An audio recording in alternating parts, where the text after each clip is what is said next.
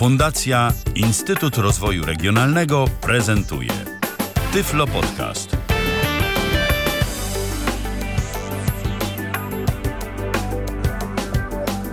Dobry wieczór. W kolejnym odcinku Babiego Lata witam serdecznie słuchaczy Tyflo Radia. Ala Witek z tej strony. A dziś e, będziemy rozmawiać o włosach, o tym jak je pielęgnować, utrzymywać w dobrej kondycji, jak troszeczkę naprawiać, poprawiać, jednym słowem jak o nie dbać. A rozmawiać będę e, z moim dzisiejszym gościem, Dorotą Ziętal. Witaj Doroto. Dobry wieczór Alu, witam wszystkich słuchaczy. E, witamy bardzo serdecznie. Oczywiście jest mi, nam niezmiernie miło, że zechcieliście Państwo spędzić kolejny czwartkowy wieczór w naszym towarzystwie. E, jeśli będą Państwo mieli jakieś własne refleksje, sugestie, opinie na temat e, tych zagadnień, które będziemy w trakcie audycji omawiać, bardzo serdecznie zapraszamy do kontaktu i dzielenia się e, z nami Państwa spostrzeżeniami na temat tego, jak będąc osobą niewidomą bez trudu ujarzmiać włosy i radzić sobie z ich pielęgnacją.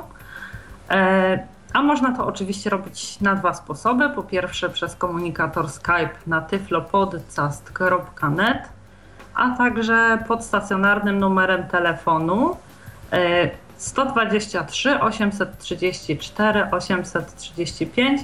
Serdecznie zapraszamy e, do kontaktu. To skoro już e, przedstawiłam Państwu naszego dzisiejszego gościa i w ogólnym zarysie nakreśliłam temat e, audycji, to może tak celem wstępu e, w paru słowach spróbujemy powiedzieć o tym, hmm, dlaczego e, warto dbać o włosy i dlaczego warto to robić e, ciągle. To może jakbyś mogła zacznij, Doroto, ja ewentualnie mhm. jeszcze dopowiem jakieś swoje trzy grosze. Jasne.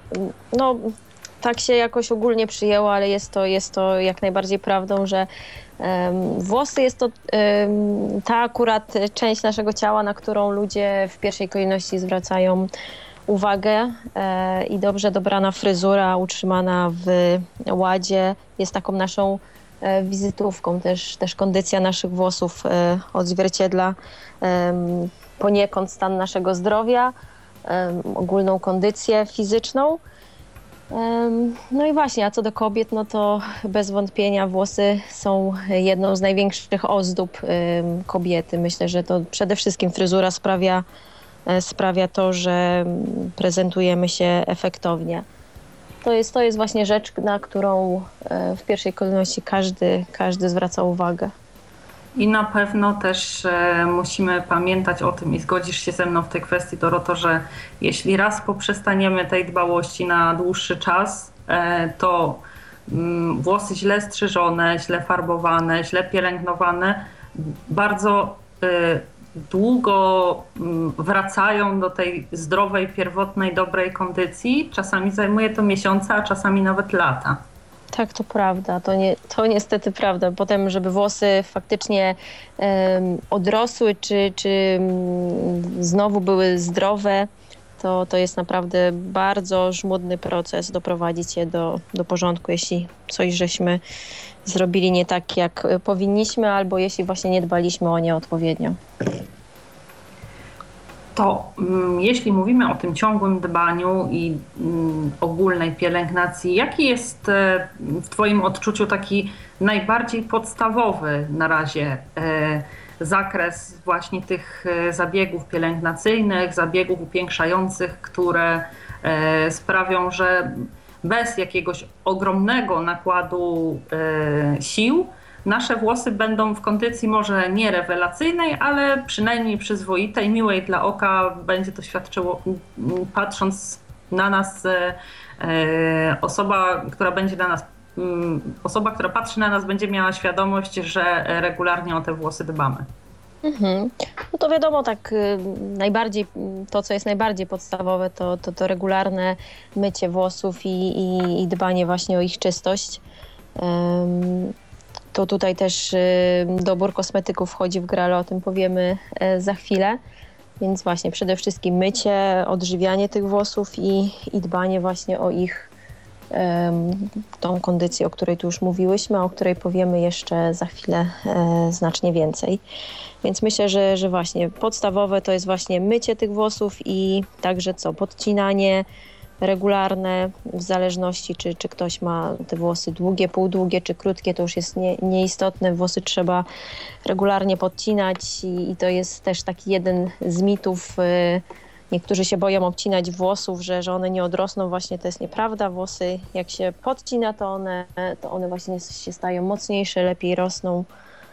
I rosną szybciej. I rosną szybciej. Regularnie włosy trzeba podcinać, bo one się na końcach wykruszają, robią się słabe i po prostu wyglądają nie, niedobrze. Tak, i później jest e, coś takiego, że też e, przez to, że wykruszają się włosy albo łamią podczas czesania czy podczas układania E, fryzur.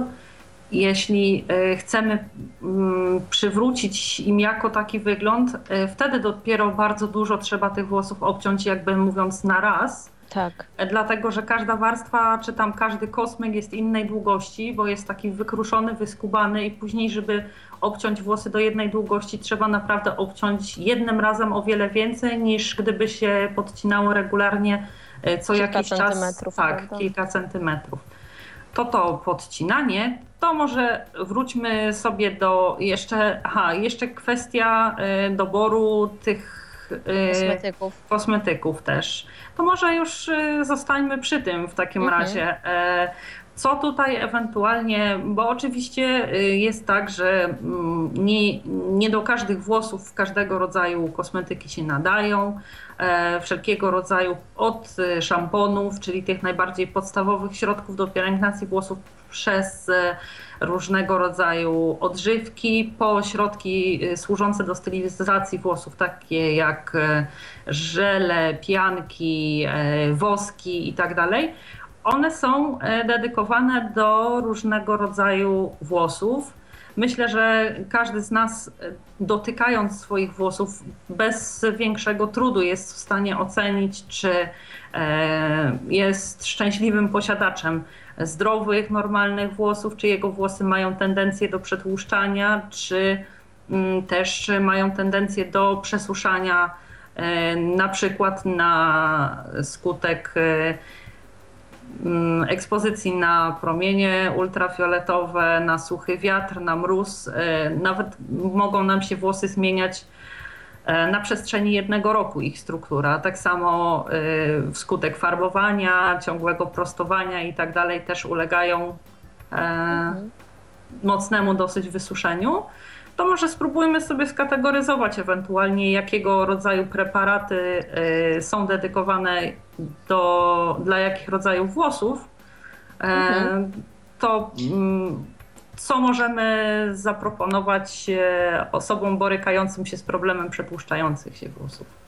Ja jeszcze, Alu, tylko tak napomknę, że zawsze mnie tak? śmieszy, jak jest y, taki, taki komunikat na, na opakowaniu, że szampon do każdego rodzaju włosów. To jest po prostu tak jak, prawda, ktoś zna się na wszystkim, czyli dla mnie w rezultacie zna się na niczym, więc no nie ma, nie ma kosmetyku do, do każdego rodzaju cery, do każdego rodzaju włosów. Y, wiadomo, no każdy, każdy włos jest inny i, i, i trzeba właśnie dobierać y, te kosmetyki pod, pod tym kątem. No nie Nawet... wiem, może ktoś Mhm. Czyjś włos, e, że tak powiem, jeden kosmyk może się składać z kilku struktur, bo może Oczywiście. być na przykład przetłuszczający się u nasady, e, a na końcu suchy. A na końcu suche tak. Dokładnie. Więc wtedy chyba rzeczywiście pozostaje szampon do wszystkich rodzajów włosów. Tak. Nie wiem, czy w ogóle to, to, to jest chyba jakiś chwyt reklamowy, zawsze tak się zastanawiam. Jeśli ktoś do końca prawda, nie jest pewien, mimo wszystko, jakie ma te włosy, to, to warto zapytać fryzjera, bo wiadomo, są to ludzie wykwalifikowani i na pewno udzielą na, nam y, dobrej, dobrej y, odpowiedzi na to nurtujące nas pytanie. A co do właśnie włosów przetłuszczających, to cóż, no muszą to być e, szampony głęboko oczyszczające. Najczęściej są one na bazie y, cytryny, tudzież mięty lub ogórka zielonego. Czyli takie lekkie. Leciutkie, tak. Y, odżywki do włosów nie mogą zawierać olejków, nie mogą być właśnie obciążające, tylko też takie lekkie z ekstraktem z owoców, tudzież z jakichś tam, nie wiem, mieszanek ziół.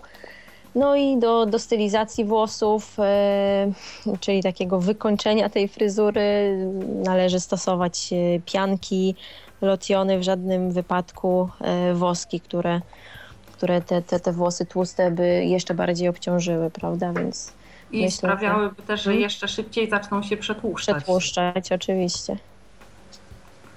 Y, Myślę, że do tych tłustych włosów to, to tyle. To tak. y, To teraz s- w kwestii suchych, to po części będzie odwrotnie, Odwrotność. jak te, które y, stosują, powinny stosować osoby z włosami przetłuszczającymi się. Ja na przykład e, mam suche włosy i mi bardzo służą e, kosmetyki na bazie mleka i miodu, bo one są Mhm. bardzo łagodne, delikatne, ale ogólnie to polecane są e, wszelkiego rodzaju takie głęboko nawilżające, częściowo też natłuszczające, zawierające e, jakieś olejki e, czy mm, tego właśnie typu jakieś z jedwabiem, z keratyną, Mhm. które będą wzmacniały te włosy. I jeśli chodzi o środki do pielęgnacji włosów, wszelkiego rodzaju kosmetyki nawilżające, natłuszczające, też odbudowujące strukturę tego włosa, czyli właśnie też jedwabie, e, produkty zawierające keratynę, olejki arganowe, wszystko to, co jakby ten włos, ujmijmy to tak e, kolokwialnie, karmi. Mhm. E, No to prawda, suche, suche włosy piją, piją te, te wszystkie olejki, to, to, to faktycznie widać, jak, jak to jest wchłaniane. E, Tak, i tutaj spokojnie e, osoby posiadające e, suche włosy do stylizacji mogą używać wosku, tylko z woskiem Trzeba należy uważać, postępować prawda? ostrożnie, tak. Minimalnie brać, prawda? Zazwyczaj tam producenci zalecają dawkę na jednorazowe użycie wielkości orzeszka laskowego, więc myślę, że, że nawet można ociupinę mniej tego wziąć, żeby, żeby nie przesadzić, bo są to naprawdę no, dość takie ciężkie kosmetyki, ale właśnie jeśli ktoś ma suche włosy, to, to, to, to one fajnie te włosy nawilżają i, i przy okazji właśnie mm, ładnie wykańczają tą fryzurę. Wosk ma jeszcze e, tą dobrą zaletę, że, tą zaletę, że mm, jeśli e, mamy włosy takie, które na przykład e, mają tendencję do skrętu pod wpływem wilgoci, Mhm. E, to fryzura wykończona tym woskiem nie będzie tak e, szybko tej wilgoci łapać po prostu i nie będą się włosy skręcać ani puszyć tak mhm. jak... e, No i oczywiście jeszcze w kwestii tego wosku to koniecznie należy pamiętać o tym, że nie nakładamy tego, co nabieramy w palce, tylko rozcieramy w dłoniach Mhm.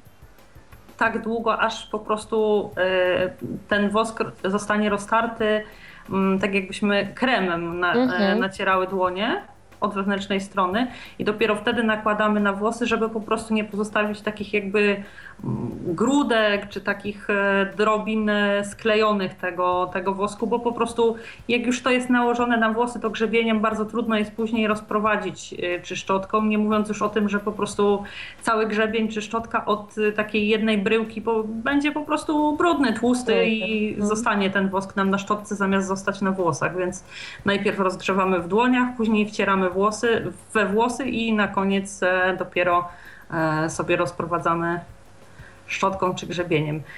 Co możemy e, polecić posiadaczkom włosów farbowanych? Jak możemy tutaj wzmóc, że tak powiem, tą pieczę nad kolorem tych włosów? To też jest ciekawe, bo, bo, bo często właśnie, prawda, mamy tak jak ty, Alu, suche włosy i do tego farbowane. Ja mam też, no myślę, że normalne włosy i też farbowane, więc to jest takie, no trzeba tak jakoś, nie wiem, eklektycznie do tematu podchodzić, ale no właśnie, żeby dbać o ten kolor, to, to warto kupować szampony z y, formułą Color Protect, które po prostu chronią ten kolor. Ym, Dbają właśnie, żeby on jak najdłużej był y, świeży. E, Zależy, prawda, też na jaki kolor farbujemy włosy, to też o tym powiemy za chwilę, ale już tutaj mogę wspomnieć o szamponach e, do, do, prawda, do blond włosów. W ogóle teraz też jest e, od paru lat taka linia John Frida, który właśnie do farbowanych włosów, prawda, do różnych, do różnych kolorów, tak, na jakie farbujemy włosy, ma te szampony i to też jest, teraz mamy taką gamę dostępnych preparatów, kosmetyków, że naprawdę można, można poszaleć. Więc właśnie kolor protect, odżywki, które, które silnie odbudowują strukturę włosa, no bo nie oszukujmy się, jednak farbowanie te włosy mm, niszczy, prawda, osłabia, wysusza. E, no a co do odżywiania, e, to już o odżywianiu mówiłam, teraz co do stylizowania. Mm, to takie trzy nasze kroki, mycie, odżywianie i stylizowanie. E, czyli do stylizowania stosujemy kosmetyki. Też trzeba być ostrożnym, żeby nie przesadzić z ilością alkoholu. To, to najlepiej, żeby to były właśnie preparaty bezalkoholowe. Bo one jeszcze bardziej wysuszają. Tak, wysuszają po tej farbie jeszcze bardziej włosy. Albo wręcz mogą wchodzić e, w niepożądane e, Reakcje, korelacje tak. z farbą, tak, i mogą zmieniać się na, na takie kolory, mhm. których byśmy nie chcieli. Zresztą e, też te szampony, które są właśnie z tą formułą Color Protect, chyba działają trochę na tej zasadzie z tego, co zdążyłam się zorientować, że e, też e, jakby nie pozwalają na reakcję chloru, który jest e, normalnie w wodzie mhm. z tym jakby barwnikiem, który mamy w farbie na włosach. Co też jest ważne na przykład w przypadku włosów farbowanych na blond, bo jeśli mamy bardzo chlorowaną wodę albo na przykład często pływamy w basenie, to włosy mhm. zwyczajnie mogą zielenieć i tak to, prawda. tak to na przykład woda z dużą zawartością żelaza też, też powoduje, że te włosy szybciej żółkną, wręcz robią się na końcach pomarańczowe i to też, też nie jest zbyt, zbyt no, ładny widok. I właśnie no, te Color Protect szampony myślę, że właśnie niwelują takie, takie niepożądane efekty i skutki. Są też dobre właśnie, mm, że tak powiem, w formie takiej E, stosowanie ich w formie takiej zapobiegawczej, dlatego mhm. że e, powiedzmy, ktoś będąc osobą bardzo niedowidzącą czy e, niewidomą nie jest w stanie tak jakby koloro, kontrolować, na ile pod wpływem mycia zwykłym szamponem ten kolor będzie mu się zmieniał i jak będzie się zmieniał, a tutaj stosowanie tego typu preparatów właśnie prawda? tak pozwala na Oczywiście stuprocentowej pewności mieć nie będziemy nigdy, ale prawdopodobieństwo, że właśnie będzie ten kolor się nam w jakiś niepożądany sposób zmieniał, jest y, przy stosowaniu tego typu preparatów minimalne. Minimalne, to prawda. To cóż, jak tak sobie mówimy o zielonych włosach od basenu i pomarańczowych od żelaza, to może przejdźmy do takich y, fryzurowych pas.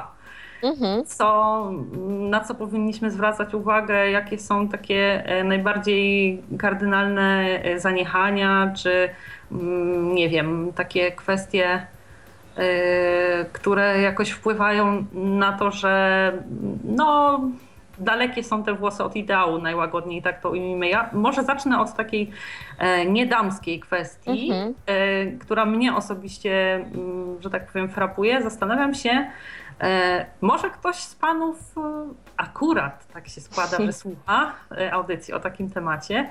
Może gdzieś na ten temat kiedyś była jakaś rozmowa, której był świadkiem. Ja nie umiem się tego dowiedzieć, też czasami niezręcznie spytać, natomiast zastanawiam się, jak to jest, że panowie, nawet jeśli mają gęste i ładne włosy, golą je niemal przy skórze. Przecież ładnie ostrzyżona, zadbana, wystylizowana męska fryzura jest e, też e, atutem e, męskiej urody. Przydaje, prawda? Tak, oczywiście. I właśnie tak się zastanawiam, czy to jest kwestia mody, wygody? Niewątpliwie tak, bo taka fryzura na mega krótkiego jeżyka albo niemalże na zero jest pewnie wygodniejsza i łatwiejsza w utrzymaniu. Natomiast czy jest ładniejsza, bardziej taka, nie wiem, reprezentacyjna, czy no nie wiem, wydaje mi się, że nie, bo to jest też tak, że musimy pamiętać o tym, że fryzurę mamy jedną na różne okoliczności, w sensie mhm. takim, że nie zapuścimy nie sobie włosów przez mhm. noc, prawda? I później e, przychodzi e, moment jakiejś e, uroczystości, czy tam okoliczności w pracy. E, więc e, oczywiście są firmy, które również co do fryzur e, dają wytyczne zarówno panom, jak i paniom, jakie fryzury powinny być. Tak. Ale wydaje mi się, że też no, czasami to golenie włosów jest też nie do końca tak adekwatne do wieku, bo też y, nie w każdym wieku wypada taką fryzurę nosić.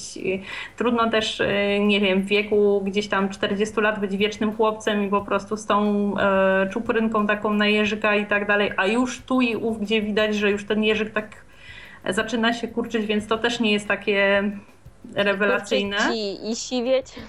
Tak, kurczyć i siwieć. Nie wiem skąd bierze się takie przekonanie, że panowie, e, jeśli golą włosy, to e, akurat takie uzasadnienia słyszałam, że mniej widać te ubytki, a wcale to nie jest prawda, bo widać je po prostu jeszcze, jeszcze bardziej. bardziej. Nic ich nie przykrywa, nie sposób tego uczesania w żaden sposób zmienić i, i jakoś nie wiem.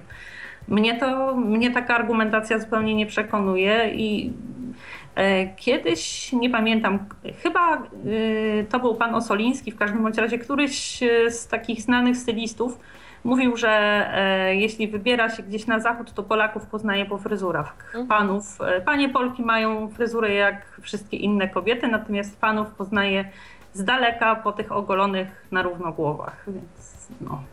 Coś chyba jest na rzeczy, jak z wojska, tak.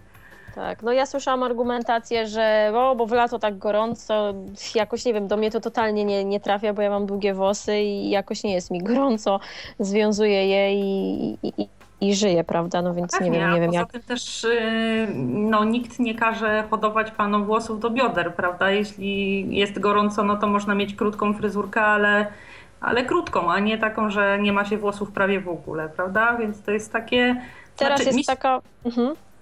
Mi się wydaje, że panowie po prostu przede wszystkim tracą, bo na przykład Oczywiście. w tego typu fryzurze też trudno sobie pozwolić na jakąś oryginalność. Okej, okay, można no, wygolić te włosy na różne długości albo jakieś wzorki, Mhm. No ale wzorki, no to raczej chyba chłopcy.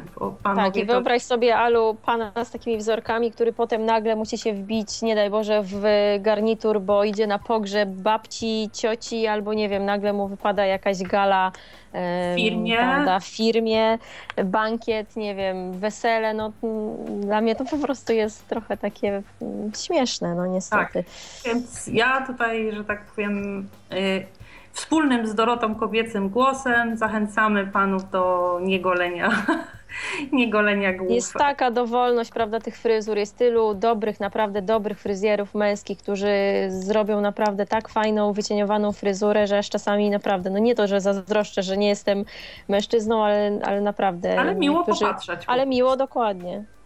Więc e, tak samo też e, można liczyć na pełen e, dobór fryzury do kształtu twarzy, do kształtu głowy, do praktycznie wszystkiego i do wykonywanej profesji i tak dalej, mhm. więc tutaj dowolność jest ogromna, fryzjerzy są naprawdę sprawni i myślę, że, że miło sobie też jakby taki dodatkowy atrybut w postaci ciekawej, oryginalnej, ładnej fryzury będąc panem zafundować. E, to panów zostawiamy w spokoju. Teraz... Może się któryś odezwie. Tak. Zachęcamy. Teraz będziemy wrzucać do um, ogródka pań. Mhm. E, to co, od czego zaczniemy? Od wieku i włosów? Tak, no zacznijmy już od, od tych biednych pań starszych, które czasami noszą zbyt, zbyt długie włosy, jak, jak dziewczynki e, w pierwszej klasie podstawówki włosy do pasa na przykład. Tak, z wiekiem e, włosy żedną. Nie ma na to właściwie rady, chyba że jakieś przeszczepy ewentualnie. E, to raz, a dwa, że bardzo długie włosy uwydatniają e, bardzo rysy twarzy, uwydatniają wszystko na tej twarzy, co jest i też to, czego być nie powinno, czyli wszelkiego rodzaju bruzdy, zmarszczki, przebarwienia i tak dalej, bo po prostu przy długich, bardzo długich włosach twarz się wyostrza. Mhm. I raczej e, się poleca panią e, im starsze, tym oczywiście nikt nie mówi, że pani, która nie wiem, ma 50 e, lat, ma się obcinać na zupełnie króciusieńko i tak dalej, ale też no myślę, że we wszystkim trzeba miary. Nie może też być tak, że no, pani w wieku takim mocno dojrzałym włos gdzieś tam do połowy pleców rozwiany i, i po prostu, a między tym prześwituje już goła skóra, tak? Więc... Albo warkocz jakiś. Tak, albo warkocz taki, który ściąga po prostu twarz do tyłu i też wszystko wtedy widać e, czółko, więc to y, też jest y, taką kwestią, że jednak warto o to zadbać. Przecież y, też jest mnóstwo fryzur do wyboru, takie nie całkiem krótkie, półdługie i tak dalej. To już w zależności od, od, od kształtu, prawda, twarzy. Mhm.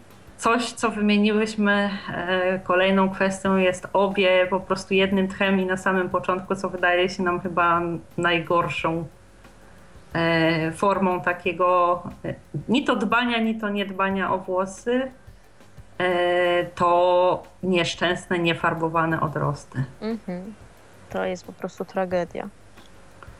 już doszłyśmy z Alą do, do, do, wniosku, że już lepiej w ogóle tych włosów nie, nie farbować, ściąć te pofarbowane końce smętnie wiszące i, i mieć po prostu swój naturalny kolor, już jaki by on tam nie był, mysi, nie mysi po prostu wygląda to strasznie i, no nieestetycznie. Bardzo nieestetycznie, zwłaszcza w przypadku, kiedy mamy e, włosy farbowane na taki opozycyjny kolor. Jeśli jesteśmy blondynkami, a farbujemy na jakiś ciemny brąz lub czerń, albo jeśli właśnie jesteśmy brunetkami, farbujemy na blond czy rudy kolor mhm. jasny, jakiś rudy wpadający w blond. E, trzeba tego bardzo pilnować, ponieważ e, my jako osoby niewidome jesteśmy w stanie pilnować tylko do pewnego stopnia, tak? Bo osoba dobrze znająca swoje włosy jest w stanie wyczuć dotykiem, które włosy są odrostem, a która część włosa jest już tą częścią farbowaną i jest w stanie stwierdzić, na ile ten odrost jest duży ale nie da się tego zrobić e, jednakowo na całej głowie. Przynajmniej ja nie potrafię dotykiem, bo sprawdzałam, czy, czy dam radę i w pewnych częściach daję radę, w pewnych częściach nie. Ja Może też jest dlatego tak, że po prostu nie zostawiam nigdy dłuższego tego odrostu niż tyle, co odrasta przez miesiąc, gdzieś jakiś tam centymetr. Mhm. E, I myślę, że 5 tygodni to jest ta absolutna już granica, kiedy e, musi być ten odrost zafarbowany dlatego że po prostu go widać. I to już nieważne, czy to jest e, opozycyjny kolor, czy kolor taki e, jakiś tam średnio zbliżony, bo po prostu na odległość centymetra, zwłaszcza jeśli ktoś patrzy na nas z góry, bo jak patrzy z przodu albo z boku, to się aż tak bardzo nie rzuca w oczy.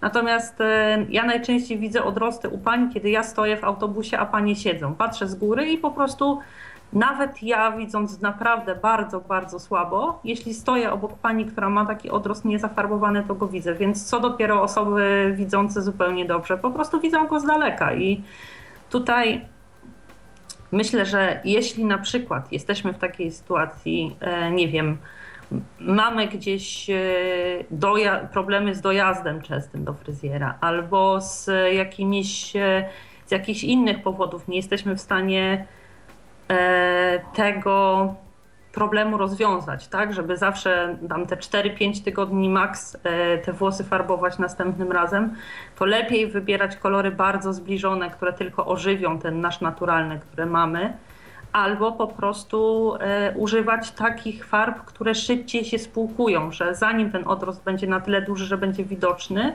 to ten e, kolor po prostu, który nałożymy, już e, będzie wypłukany na tyle, że nie będzie aż tak bardzo się od tego odrostu odcinał.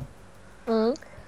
No też balejarz, e, wiadomo, no nie każdy, tak. nie każdy się prawda chce decydować na balejarz, ale balejarz faktycznie daje mm, dłuższy ten, ten wydłuża ten, ten czas między jednym, jednym zabiegiem a drugim, prawda, bo jednak balejarz no, na trochę innej zasadzie działa, prawda, tylko z malarzem jest ten problem, że e, później trudno jest te same kosmyki znowu malować e, tym, które były pasma innego koloru, więc... E, to prawda, no to, to już musi być naprawdę dobra fryzjerka, żeby, żeby potem to...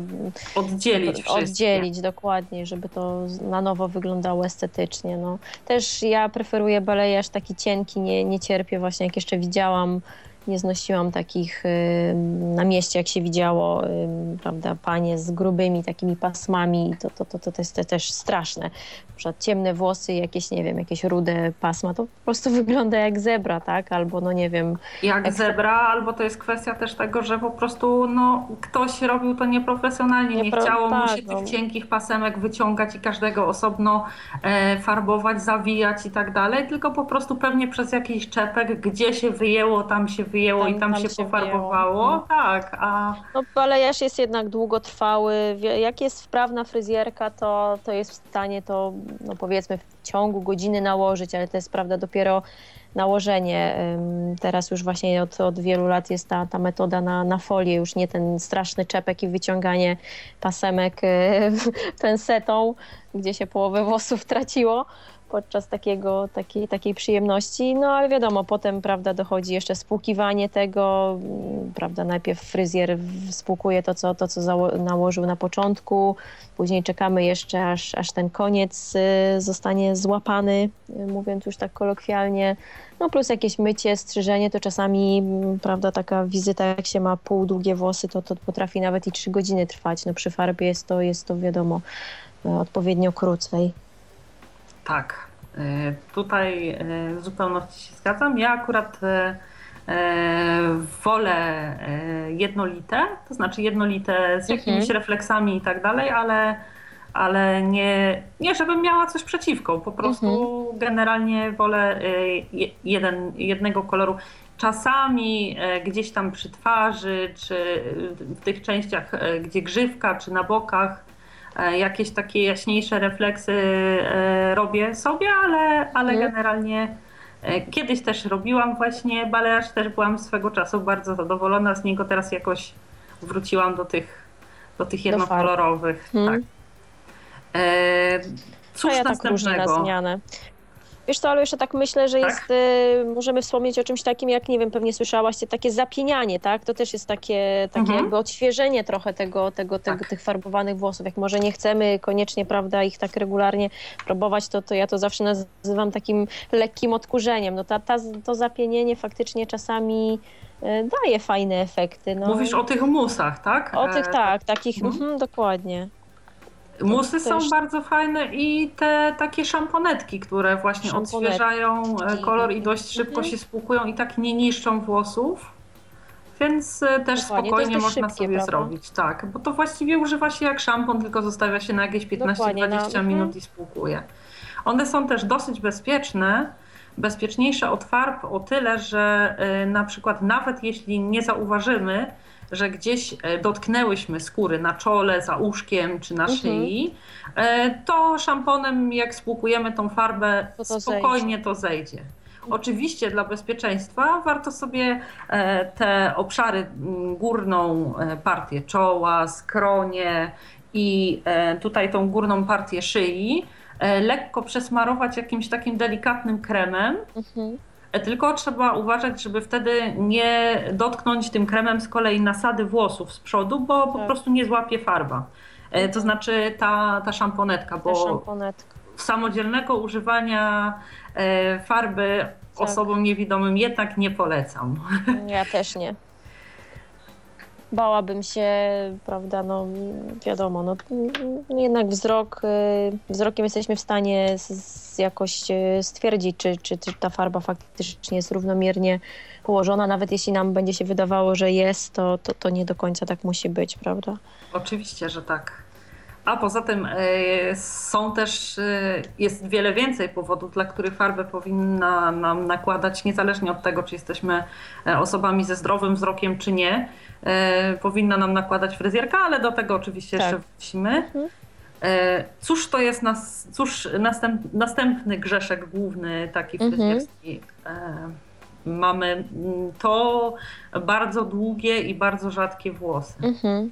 Generalnie trzeba y, pamiętać o tym i y, myślę, że większość osób zdaje sobie z tego sprawę. Jak już jest później z oceną, że tak powiem, tej gęstości włosów, które mamy, nie wiem, ale myślę, że w teorii przynajmniej każdy o tym wie, że niestety długie włosy nie są dla każdego. E, Tutaj e, po prostu rozpuszczone nie wyglądają dobrze, dlatego że widać prześwity skóry między nimi, jeśli są bardzo rzadkie Tak. i długie, e, bo po prostu swoim ciężarem przylegają do skóry, jeśli są bardzo długie i tą skórę pomiędzy nimi widać. E, Druga sprawa jest taka, że e, jeśli są długie i rzadkie, trudno jest z nimi coś zrobić. Dla, na przykład w zeszłym roku były modne takie bardzo wysoko zaczesywane koczki. Mhm. I wiele pań, które miały bardzo rzadkie i długie włosy, zaczesywało w ten sposób i to wyglądało po prostu okropnie. Ja już nie będę się do takich porównań uciekać, że prawie, że jakby ktoś narobił na głowę, bo to naprawdę tak wyglądało.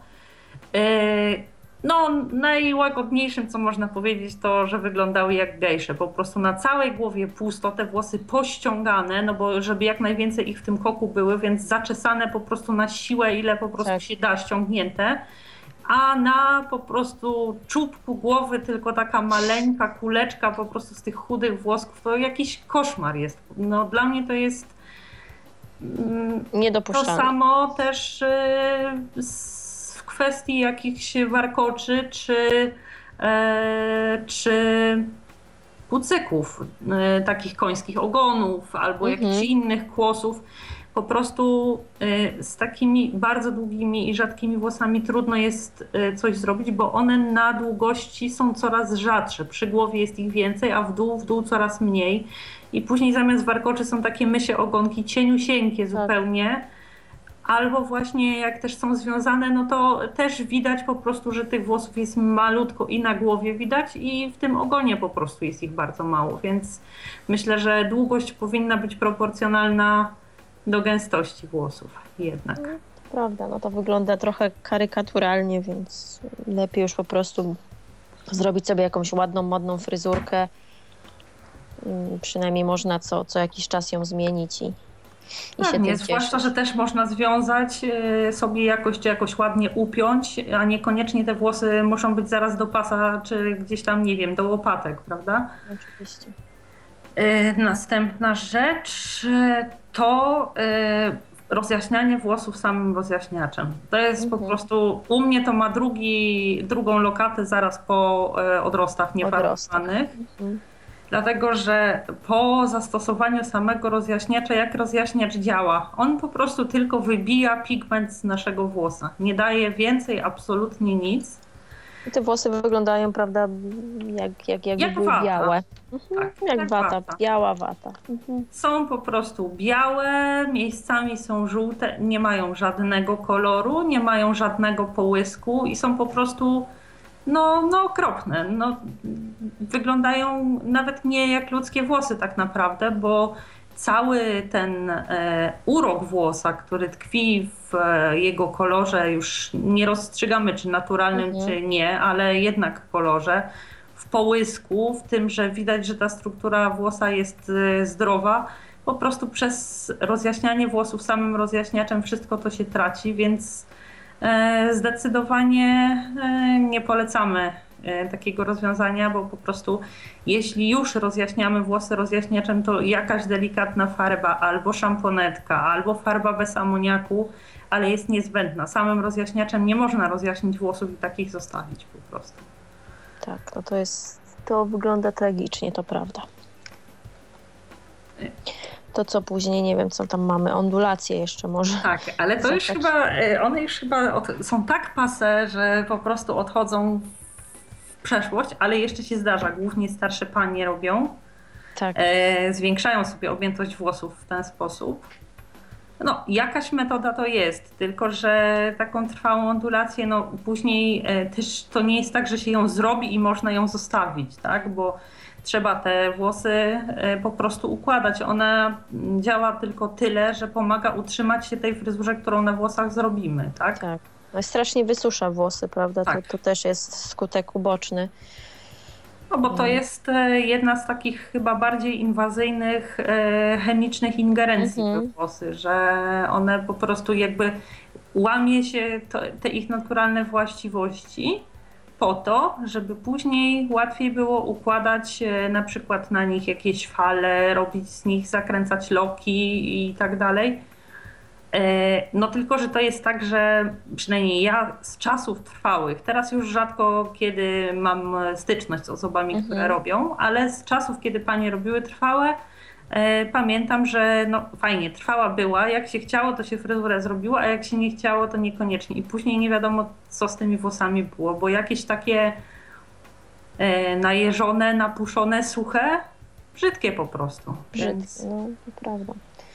No czasami, nie wiem, słyszałam jeszcze, tak myślę, parę lat temu, że, że jeszcze jakoś tam się ludzie pytają, czy ludzie, no kobiety, prawda, o trwałe podnoszące, żeby te włosy, y, jak, jak się ma właśnie takie cienkie, klapnięte, żeby, żeby jakoś u nasady je podnieść, to to ma jakoś nawet swoją nazwę, teraz nie mogę sobie przypomnieć, jakiś headline czy coś takiego. A możliwe, ja tego nie kojarzę, za to kojarzę trwałą prostującą, na którą Prostu, ja się tak, nie zdecydowałam. Też o, tak, to jest mhm, chemicznie, prawda, totalna odwrotność keratynowego prostowania, o którym też powiemy za chwilę, prawda. Mi się trwała kojarzy głównie z tymi takimi, no tą mokrą włoszką, z tymi loczkami z lat 90., ale faktycznie jest, jest właśnie, można prostować na tą trwałą i, i też, też właśnie słyszałam, teraz mi się przypomniało o tym podnoszeniu.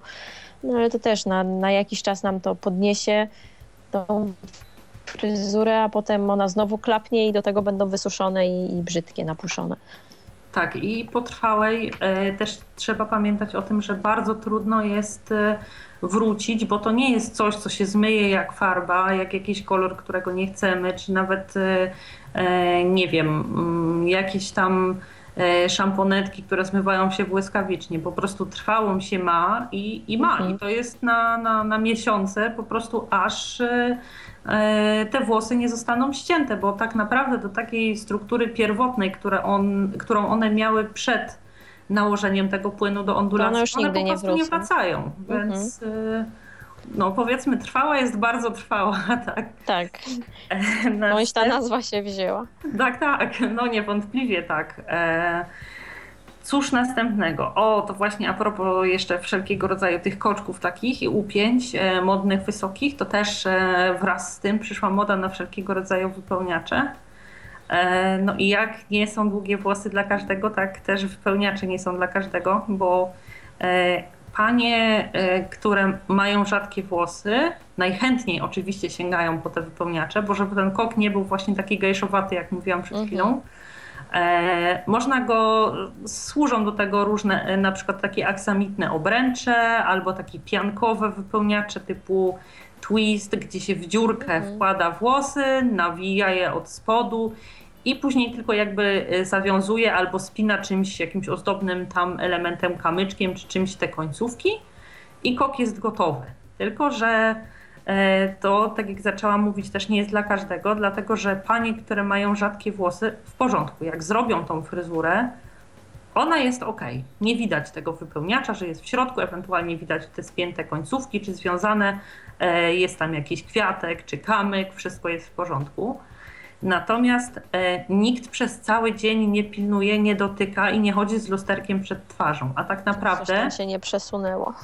Tak, wystarczy, że e, siądzie się w przeciągu albo gdzieś, e, nie wiem, wysiadając z autobusu o coś się zahaczy, czy ktoś e, niechcący sięgając po coś nad naszą głową dotknie nam tej fryzury ręką. Jeśli e, w mhm. takich rzadkich włosach nawiniętych na ten wypełniacz jeden czy dwa takie grubsze kosmyki się przesuną, to już go po prostu widać. E, w przypadku e, osób niewidomych to tutaj jakby no tylko ręcznie możemy to kontrolować. Mhm. E, więc jak będziemy cały czas chodzić z ręką przy tym koku, żeby sprawdzać, czy się nam nie przesunęły włosy, czy tego wypełniacza nie widać. Więc myślę, że przy wypełniacz tak naprawdę jest dla osób o średnio gęstych włosach, bo osoby, które mają bardzo gęstego nie potrzebują a osoby, które mają bardzo rzadkie, nie powinny go w ogóle zakładać. To zanim przejdziecie dalej, może odbierzmy tak? telefon, bo mamy słuchacza na linii. Sebastian się do nas dodzwonił. Dobry wieczór, witamy. Dobry wieczór, o. dobry wieczór, witamy.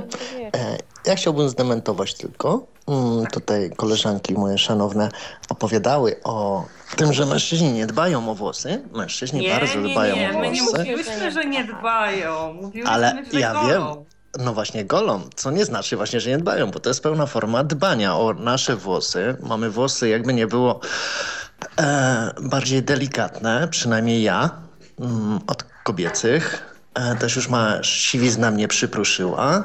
I to, że gole sobie włosy po bokach mam całkowicie wygolone do zera, na górze około 3-4 cm, powiedzmy taki irokes przez całą głowę do tyłu i uważam, że to bardzo atrakcyjnie wygląda. I też można by odwrócić w drugą stronę, dlaczego kobiety mają długie włosy, a żadna nie chce sobie wygolić. Niektóre golą. No, No, niektóre, niektóre golą, golą. ale też mi się nie wydaje, żeby to jakoś e, bardzo. Znaczy, wiesz, e, prawda jest taka, że ja się zgadzam z Tobą, że jest kwestia tego, co komu pasuje, tak? Bo to zależy od tego, jaką wykonujemy pracę i tak dalej, jak się w jakiej fryzurze czujemy. Natomiast ja myślę, że to nawet nie jest tyle, że my jakoś krytycznie się odniosłyśmy do tego golenia, tylko zastanawiamy się, czemu to jest aż tak masowo, czemu panowie rezygnują z takiego wariantu dodatkowej ozdoby, jakim jest jakaś ciekawa, oryginalna, taka, wiesz, strzyżona przez fryzjera y, fryzurka, e, ułożona samodzielnie. Przecież można dobrać taką fryzurę, którą wiesz. e, mm, Nie ujmując niczego, tak, panom, ale powiedzmy, nie wiem, jakoś nawet mniej wprawny o. e, Pan e, w układaniu włosów spokojnie da radę jakoś ładnie sobie zagospodarować na głowie te włosy, więc szkoda. Droga. Alu, ja tylko powiem tak od siebie, dlaczegoż ja tak robię, ponieważ jestem zbyt leniwy i szkoda mi czasu, aby jeszcze czesać Aha. się. Ale niektóre się męskie czesać, fryzury nie wymagają czesania. włosy. Właśnie one się No, po tym wymagają dobrym suszarki. wycieniowaniu same układają. Ja już wolę się ręcznikiem wytrzeć i mieć święty spokój. No jasne. Tak, no niektórzy faceci, niektórzy faceci, prawda, golą się, golą twarz i golą też przy okazji tą głowę. To już jest w ogóle tragedia, no bo jak jeszcze Też mi się czasami golić zdarzało, jak jeszcze widziałem, ale też swego czasu miałem i trwałe ondulacje, miałem pasemkę, e, miałem długą grzywkę, miałem długie włosy z tyłu, wyglądałem jak dziewczyna i zaczepiali mnie panowie na ulicy, jacyś dziwni i tak nie wiem dlaczego. Różne były z tym sytuacje, więc teraz wolę wyglądać bardziej męsko niż dziewczęco. No dobrze, no to życzę miłego wieczoru paniom. A, Żegnam dziękujemy. słuchaczy. Do widzenia. Do widzenia. widzenia. A jednak męski głos w audycji się podzi- pojawił. Spodziewałabym się raczej, że panie. A Ja też. proszę.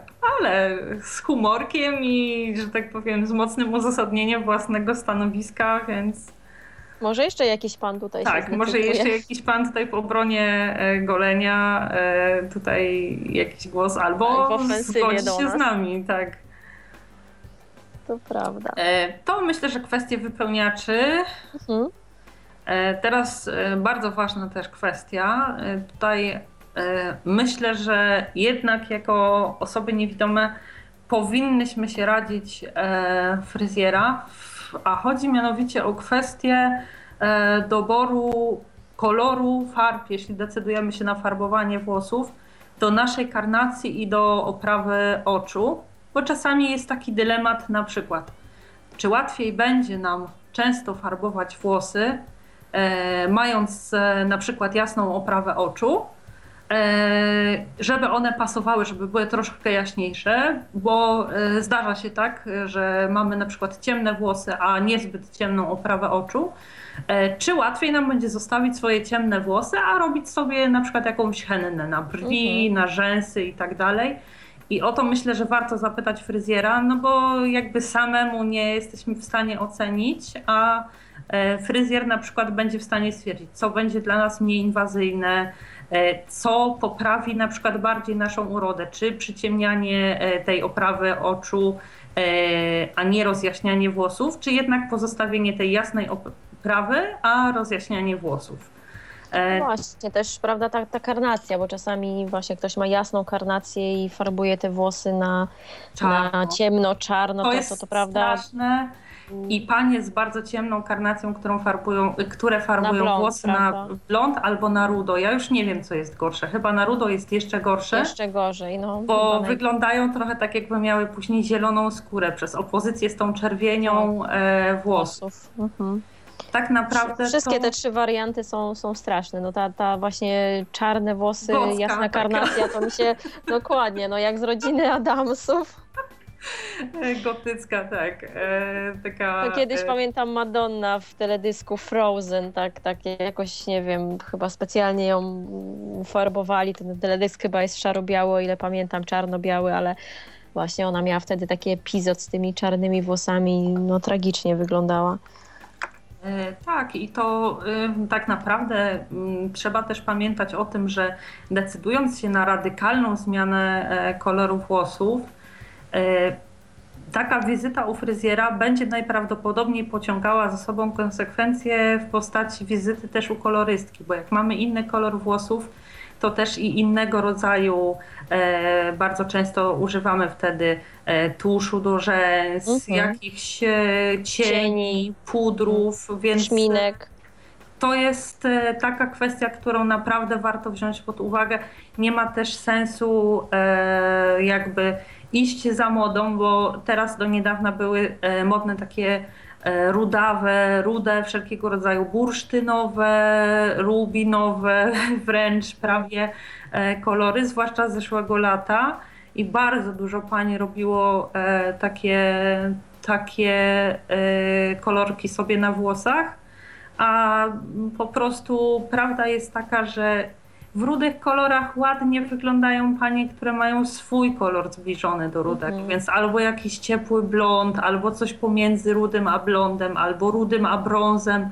E, Mają panie specyficzną też e, cerę przez to, że mają jakieś takie drobne piegi złotawe To i tak dalej. I wtedy to wygląda ładnie i naturalnie a nie pani z cerą, powiedzmy, nie wiem, oliwkową, ciemną i włosy na jakiś jasnorudy kolor rozjaśnione, czy e, z taką e, zupełnie ciemną cerą i włosy rozjaśnione na jakiś, nie wiem, e, platynowy albo lodowy blond, prawda? Więc to jest Tragedia.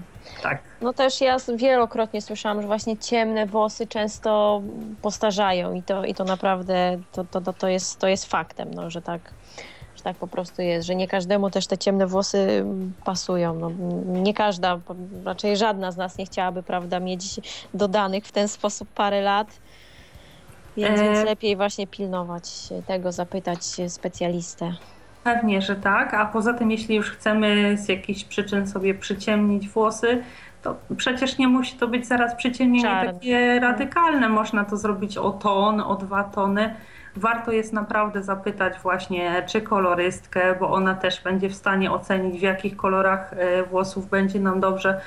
No bo u mnie z pytaniem, e, nie wiem, koleżanek, kogoś tam, e, różnie to jest z obiektywizmem. Ja się na przykład noszę z jakimś pomysłem, pytam kuzynki czy koleżanki, no to na ogół mówią tak, spróbuj, na pewno ci będzie dobrze i tak dalej. Może Mhm. nie wiem, obawiają się konfrontacji, co będzie, jak powiedzą, że nie. A e, osoba jakaś obca, właśnie fryzjerka, kolorystka, e, nie ma tej e, bariery, żeby powiedzieć, że nie, ten kolor będzie dla pani nieodpowiedni, bo na przykład e, będzie pani miała bardzo ciemne włosy, a ma pani jakieś tam jasne rzęsy, czy ledwie zaznaczone brwi, więc e, e, no tutaj jednak e, warto, warto zasięgnąć e, rady specjalisty, nie cioci czy kogoś. Oczywiście można, jeśli to jest osoba zaufana i wiemy, że e, jeśli taka zmiana byłaby dla nas na niekorzyść, to szczerze nam o tym powie, no to, to jak najbardziej, ale, ale myślę właśnie, że jeśli to jest kwestia taka, że mm, obawiamy się, że może nie być obiektywna albo nie chce nas urazić, to, to bo to są e, po pierwsze zmiany radykalne, a po drugie takie, że no, dekoloryzacja jest zabiegiem trudnym i Bardzo. takim bardzo inwazyjnym i szkodliwym dla włosów. I tak naprawdę raz już mamy zniszczone przez farbowanie, później drugi raz przez tą dekoloryzację, e, która też nie zawsze się powiedzie, bo są farby tak mocne, które po prostu nie da się ich zdjąć. Zostają na włosach tak czy owak, ten kolor e, jakby troszeczkę blaknie, troszeczkę matowieje i, i to jest właściwie wszystko, co da się z nim zrobić, więc y, no Albo tak daje jakieś niepożądane, prawda, jeszcze, jeszcze jakieś inne efekty w Tak. postaci pomarańczowego, czy nie daj Boże właśnie jakiegoś zielonego.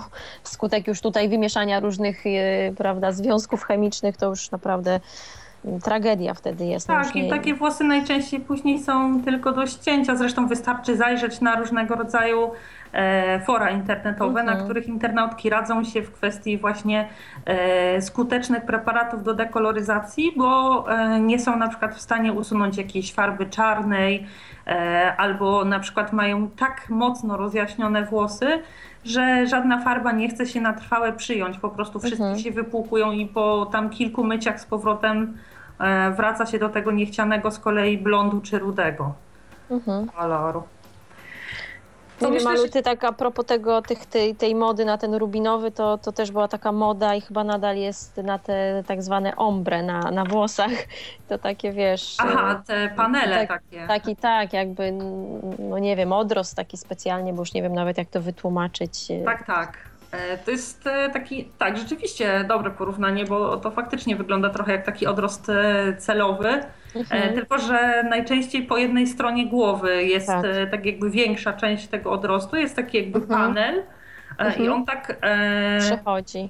tak przechodzi i właśnie fajnie zrobione te ombre są wtedy, kiedy przechodzi, a nie kiedy jest tak jakby odcięte, jak, jakby taka kratka była Krat, rzucona no, na włosy prawda. i E, więc to, ale ja tego nie próbowałam. Jakoś ja tak, e, że tak powiem, sympatyzuję z tą e, jednolitością, ewentualnie jakimiś tam kilkoma pasmami jakichś jaśniejszych refleksów, że, że, że na coś takiego nigdy bym Ja się też chyba nie bym się, no to prawda, tutaj też jestem raczej, no może nie tradycjonalistką, ale, ale wiem, co po prostu mi pasuje i w czym się czuję dobrze. Co Zwłaszcza, do ombre, że- to sobie dzisiaj na paznokciach zrobiłam, ale to zupełnie inna, prawda, bajka.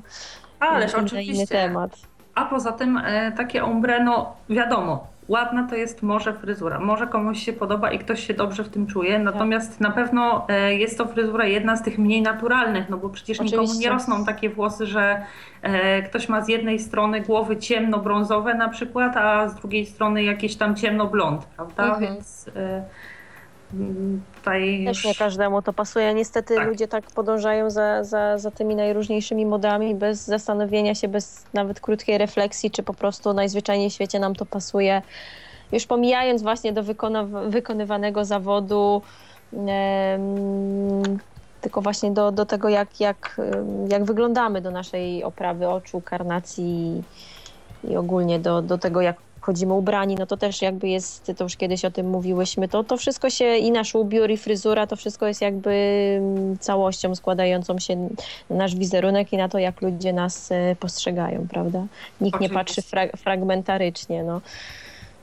E, To o czym następnie. Aha, to jak jesteśmy przy kolorach, to może też o uczesaniu, bo to Mhm. e, też należy wziąć pod uwagę. Tutaj oczywiście pewnie każda z nas ma świadomość tego, że e, powinnyśmy czesać się adekwatnie do kształtu twarzy. Że to nie jest tak, że każdemu e, w każdej fryzurze będzie dobrze, że wszystkie możemy, e, nie wiem, zaczesywać włosy do góry albo wszystkie e, chodzić z grzywką. Ja na przykład z grzywką wyglądam tak strasznie, że nigdy jej nie miałam, po prostu przez 30 lat z okładem nie miałam grzywki nigdy, bo chyba bym musiała wszystkie lustra w domu odwrócić, odwrócić tym zwierciadłem do środka, więc do ściany, więc nie, nie, nie wiem, nie, nie praktykuję tego. Ewentualnie jakieś pół e, próbowałam, e, czy takie skośne, albo Tak. jakieś takie ząbkowane, e, to tak, ale pełnej nigdy. E, To może e, jakoś spróbujemy tutaj usystematyzować. e, Tak, no to cóż, tam właśnie, jeśli osoba ma mm, zbyt wysokie czoło, to, to, to absolutnie nie powinna czesać się, zaczesywać wszystkich włosów, ściągać gumką, czy, czy po prostu zaczesywać ich do tyłu, do góry, tak? Bo to jeszcze bardziej uwydatni to, to wysokie czoło. Co do, co do grzywek, właśnie osoby na odwrót, które mają niskie czoło, nie, nie powinny nosić właśnie tych e, grzywek, bo to też optycznie y, jeszcze, jeszcze skraca, prawda, ten, ten Tak, wizualnie i jeszcze tak sprawia, że wygląda. twarz się staje bardziej okrągła. Więc, okrągła, to e, prawda. Jak ktoś ma, prawda, zbyt wąską twarz, to absolutnie unika czesania się z przedziałkiem po środku. Może sobie zrobić przedziałek y, z boku, z boku albo ukośny, ukośny, albo dokładnie. właśnie jakoś tak jakby z lekką półgrzywką, e, natomiast raczej e, nie te przedziałki, bo te włosy tak wiszą po bokach głowy, zwłaszcza jeśli są e, bardzo długie, bo przy takich krótkich włosach to to jeszcze aż tak do bardzo nie Mhm. wydłuża, ale przy dłuższych to e, wiadomo, Nie wiem, to czy ty pamiętasz Alu Alanis Morissette. e, Ona, pamiętam, ale nie zbyt e, dobrze ona już. właśnie ma taką końską twarz i te długie stronki i właśnie ten przedziałek po środku to tak jakoś, nie wiem, tragicznie wyglądało. No to w tak. sumie było taką jej wizytówką, no ona tam nigdy nie była jakoś, tak, dokładnie, no ale, ale, ale to tak, tak właśnie, jak, jak, jak o tym rozmawiałyśmy, to, to, to w pierwszej kolejności właśnie ona mi się przypomniała. No i właśnie i odwrotność tutaj, prawda, jak ktoś ma zbyt y, wydatną, okrągłą twarz, to, to, to powinien unikać uczesań na grzybka, czy, czy jakiegoś boba tak zwanego, prawda, bo to Tak, bo bardziej. e, te włosy się kończą na wysokości e, kości policzkowych, gdzie ta twarz jest najszersza, jeśli mamy do czynienia z okrągłą twarzą i po prostu optycznie, że ta linia włosów właśnie w tym miejscu się kończy, to po prostu jeszcze tą twarz e, jakby poszerza i taka, taka fryzura jest niezbyt e, dobra. Mogą być na przykład jakieś e, pazurki po bokach lub coś takiego, coś, co... co prawda e, jakoś wydłuży optycznie, tak? tak, twarz. albo krótkie fryzury z tyłu z dłuższą grzywką, zaczesywaną, Mhm. ale już poniżej tej linii kości policzkowej, albo taką grzywką, która się kończy na wysokości brwi. W każdym bądź razie nie takie fryzury, gdzie kończy się długość włosów gdzieś mniej więcej po środku albo tuż poniżej środka twarzy, patrząc od góry. Mhm.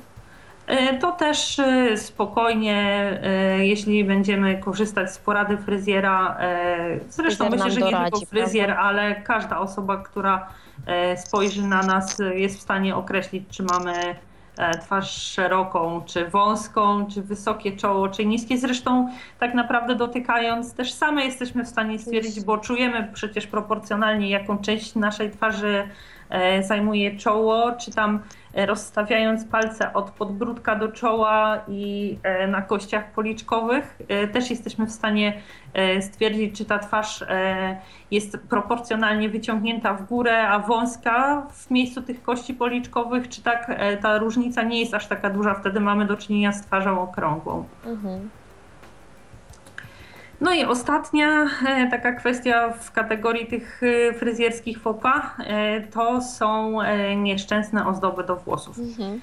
Nie wiem jak to się dzieje, gdzie praktycznie przy zalewie naprawdę fajnych, naturalnych, wykonanych misternie, niemal jak biżuteria ozdób do włosów, ciągle dojrzałe panie decydują się na noszenie tych plastikowych ozdób, jakichś spinek, kwiatków jakichś materiałowych, jakichś e, takich dziwacznych rzeczy, nie wiem, których po prostu nie powinny już nosić przynajmniej od 20 lat, gdzieś jak przedszkolaki, jakieś spinki z motylkiem, słoneczniki, jakieś po prostu gumeczki z kolorowymi paciorkami. Co to w ogóle jest? Dla mnie to jest jakiś kosmos. Są e, naprawdę przepiękne ozdoby skórzane, wykonywane z drewna, kamieni, z kamieni, z różnego rodzaju e, materiałów typu e, jakiś aksamit, delikatne plusze, czy jakieś takie materiały nawet. Tak, najróżniejsze jakieś opaski, więc... Na każdą e, okazję tak naprawdę. No, są te sklepy, nie wiem, w każdym jakimś takim centrum, Centrum handlowym to, to jest sklep, który się nazywa Świat Spinek e, albo coś, coś podobnego, czy jakieś biżu. Jak Ja mam nazywa? e, akurat Biżu, sentyment do glittera. Aha, tak, tak. Oni to, to, akurat mają bardzo fajne też te wyroby.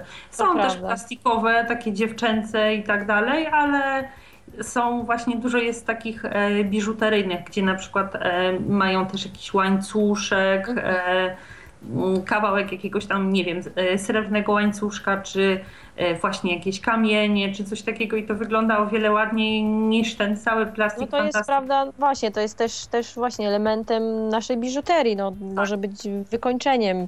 Em, Dobrać można do, do, do, nie wiem, do kolczyków, do naszyjnika i to po prostu wygląda kapitalnie, szałowo, a nie, a nie po prostu taka, Odpustowo, mówiąc już prawda? okropnie, kolokwialnie, wiocha po prostu. No. No tak, i jeszcze kolory oczywiście też e, trzeba mieć świadomość, że tak.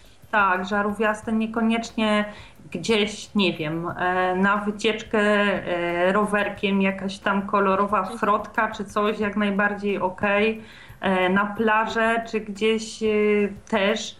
Natomiast nie wiem, e, do pracy czy gdzieś e, na jakieś oficjalne wyjście, no to już tak raczej niekoniecznie, bo po prostu no jest, tak jakby każdy wiek ma swoje mm, prawa. Rządzi się swoimi prawami. Tak, i to co, mm, że tak powiem, to z czym do twarzy, czy tam do włosów jest mhm. nastolatce, czy e, gimnazjalistce, niekoniecznie tam pani, nie wiem, 30 czy 40-letnia akurat powinna nosić na jakieś oficjalne wyjścia, więc... Oczywiście, chociaż te żarówiaste kolory teraz przeżywają swoisty tak. renesans, ale, ale no też umówmy się, że to trzeba bardzo ostrożnie z nimi czy to na paznokciach, czy, czy nawet, nie wiem, gdzieś szminki takie się pojawiają. No wiadomo, no to we wszystkim umiar. No, my tutaj audycjach i a propos makijażu i ubrania i teraz włosów też, też myślę, że, że tym głównym takim mottem powinien być ten umiar. Oczywiście. I ja oczywiście też e, w ramach, że tak powiem, swoich upodobań i nieupodobań to ja jestem daleka od, że tak powiem, jakiegoś takiego hołdowania modą. Akurat są kolory takie z tych żywych barw, które mi się podobają, ale też nie wszystkie.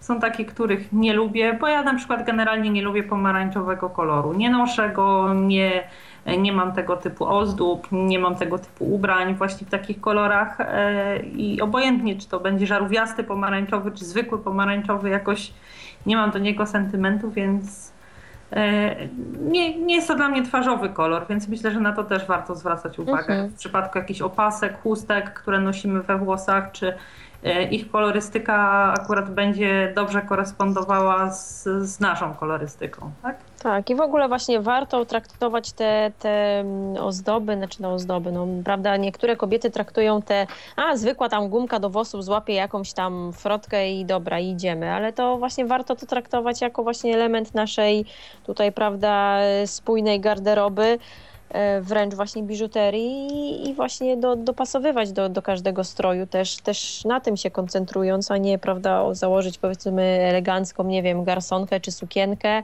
i, i byle jaką, jakąś, nie wiem, rozciągniętą starą gumkę. No. Jeszcze najlepiej z tymi przepraszam, białymi e, fragmentami, strzępkami tak. tej gumy wyłażącymi ze środka. Tak, to prawda.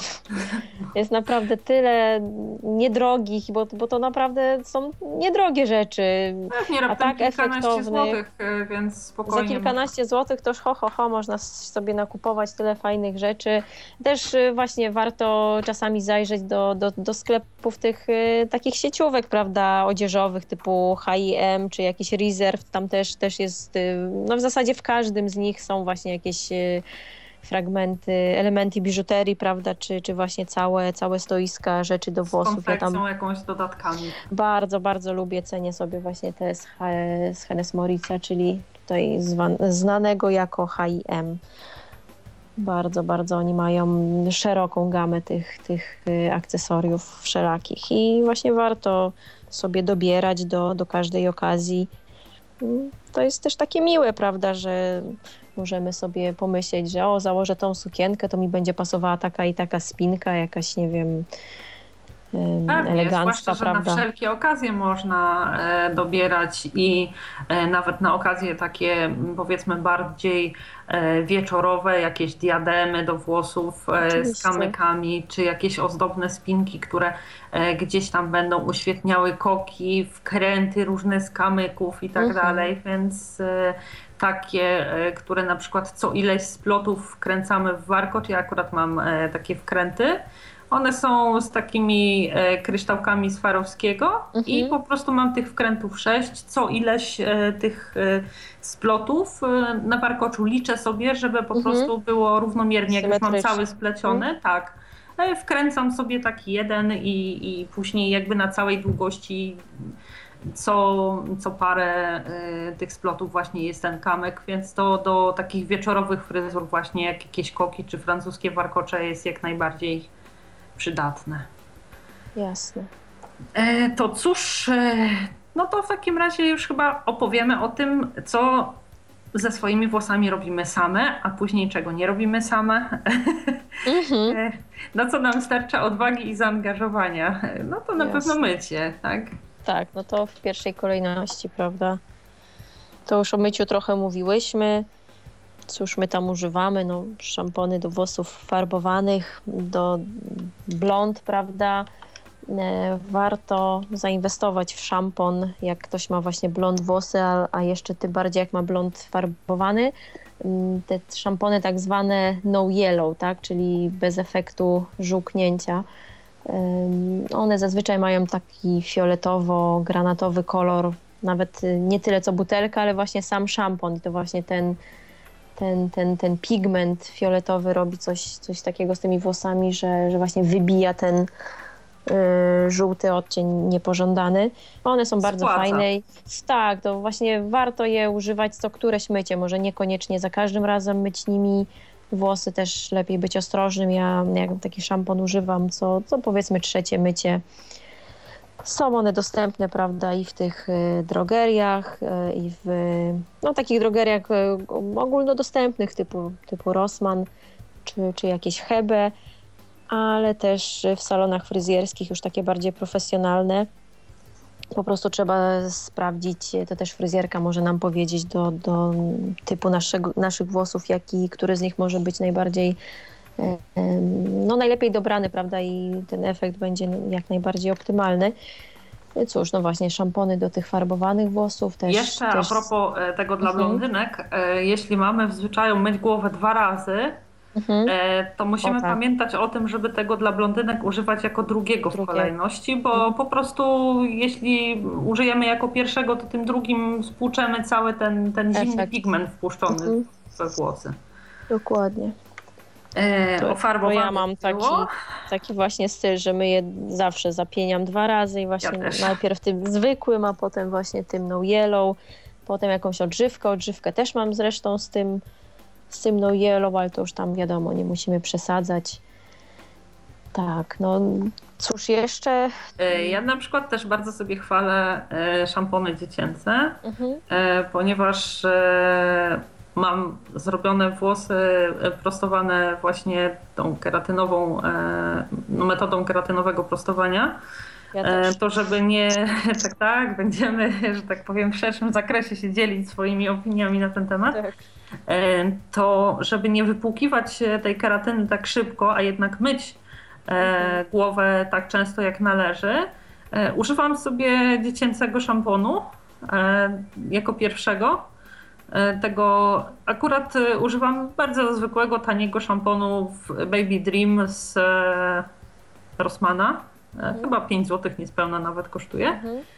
Jak na taki szampon tani i na szampon do pierwszego mycia, ten, który nie stanowi później o układaniu i tak dalej, to jest bardzo dobry.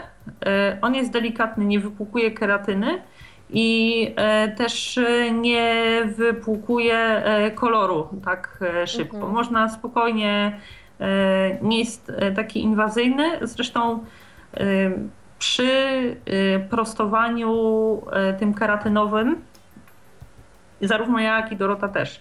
E, Otrzymałyśmy informację, e, ja tutaj e, oczywiście nie, e, nie będę tam mm, wdawać się w szczegóły, natomiast jeśli ktoś będzie zainteresowany, to chętnie się tą informacją podzielę.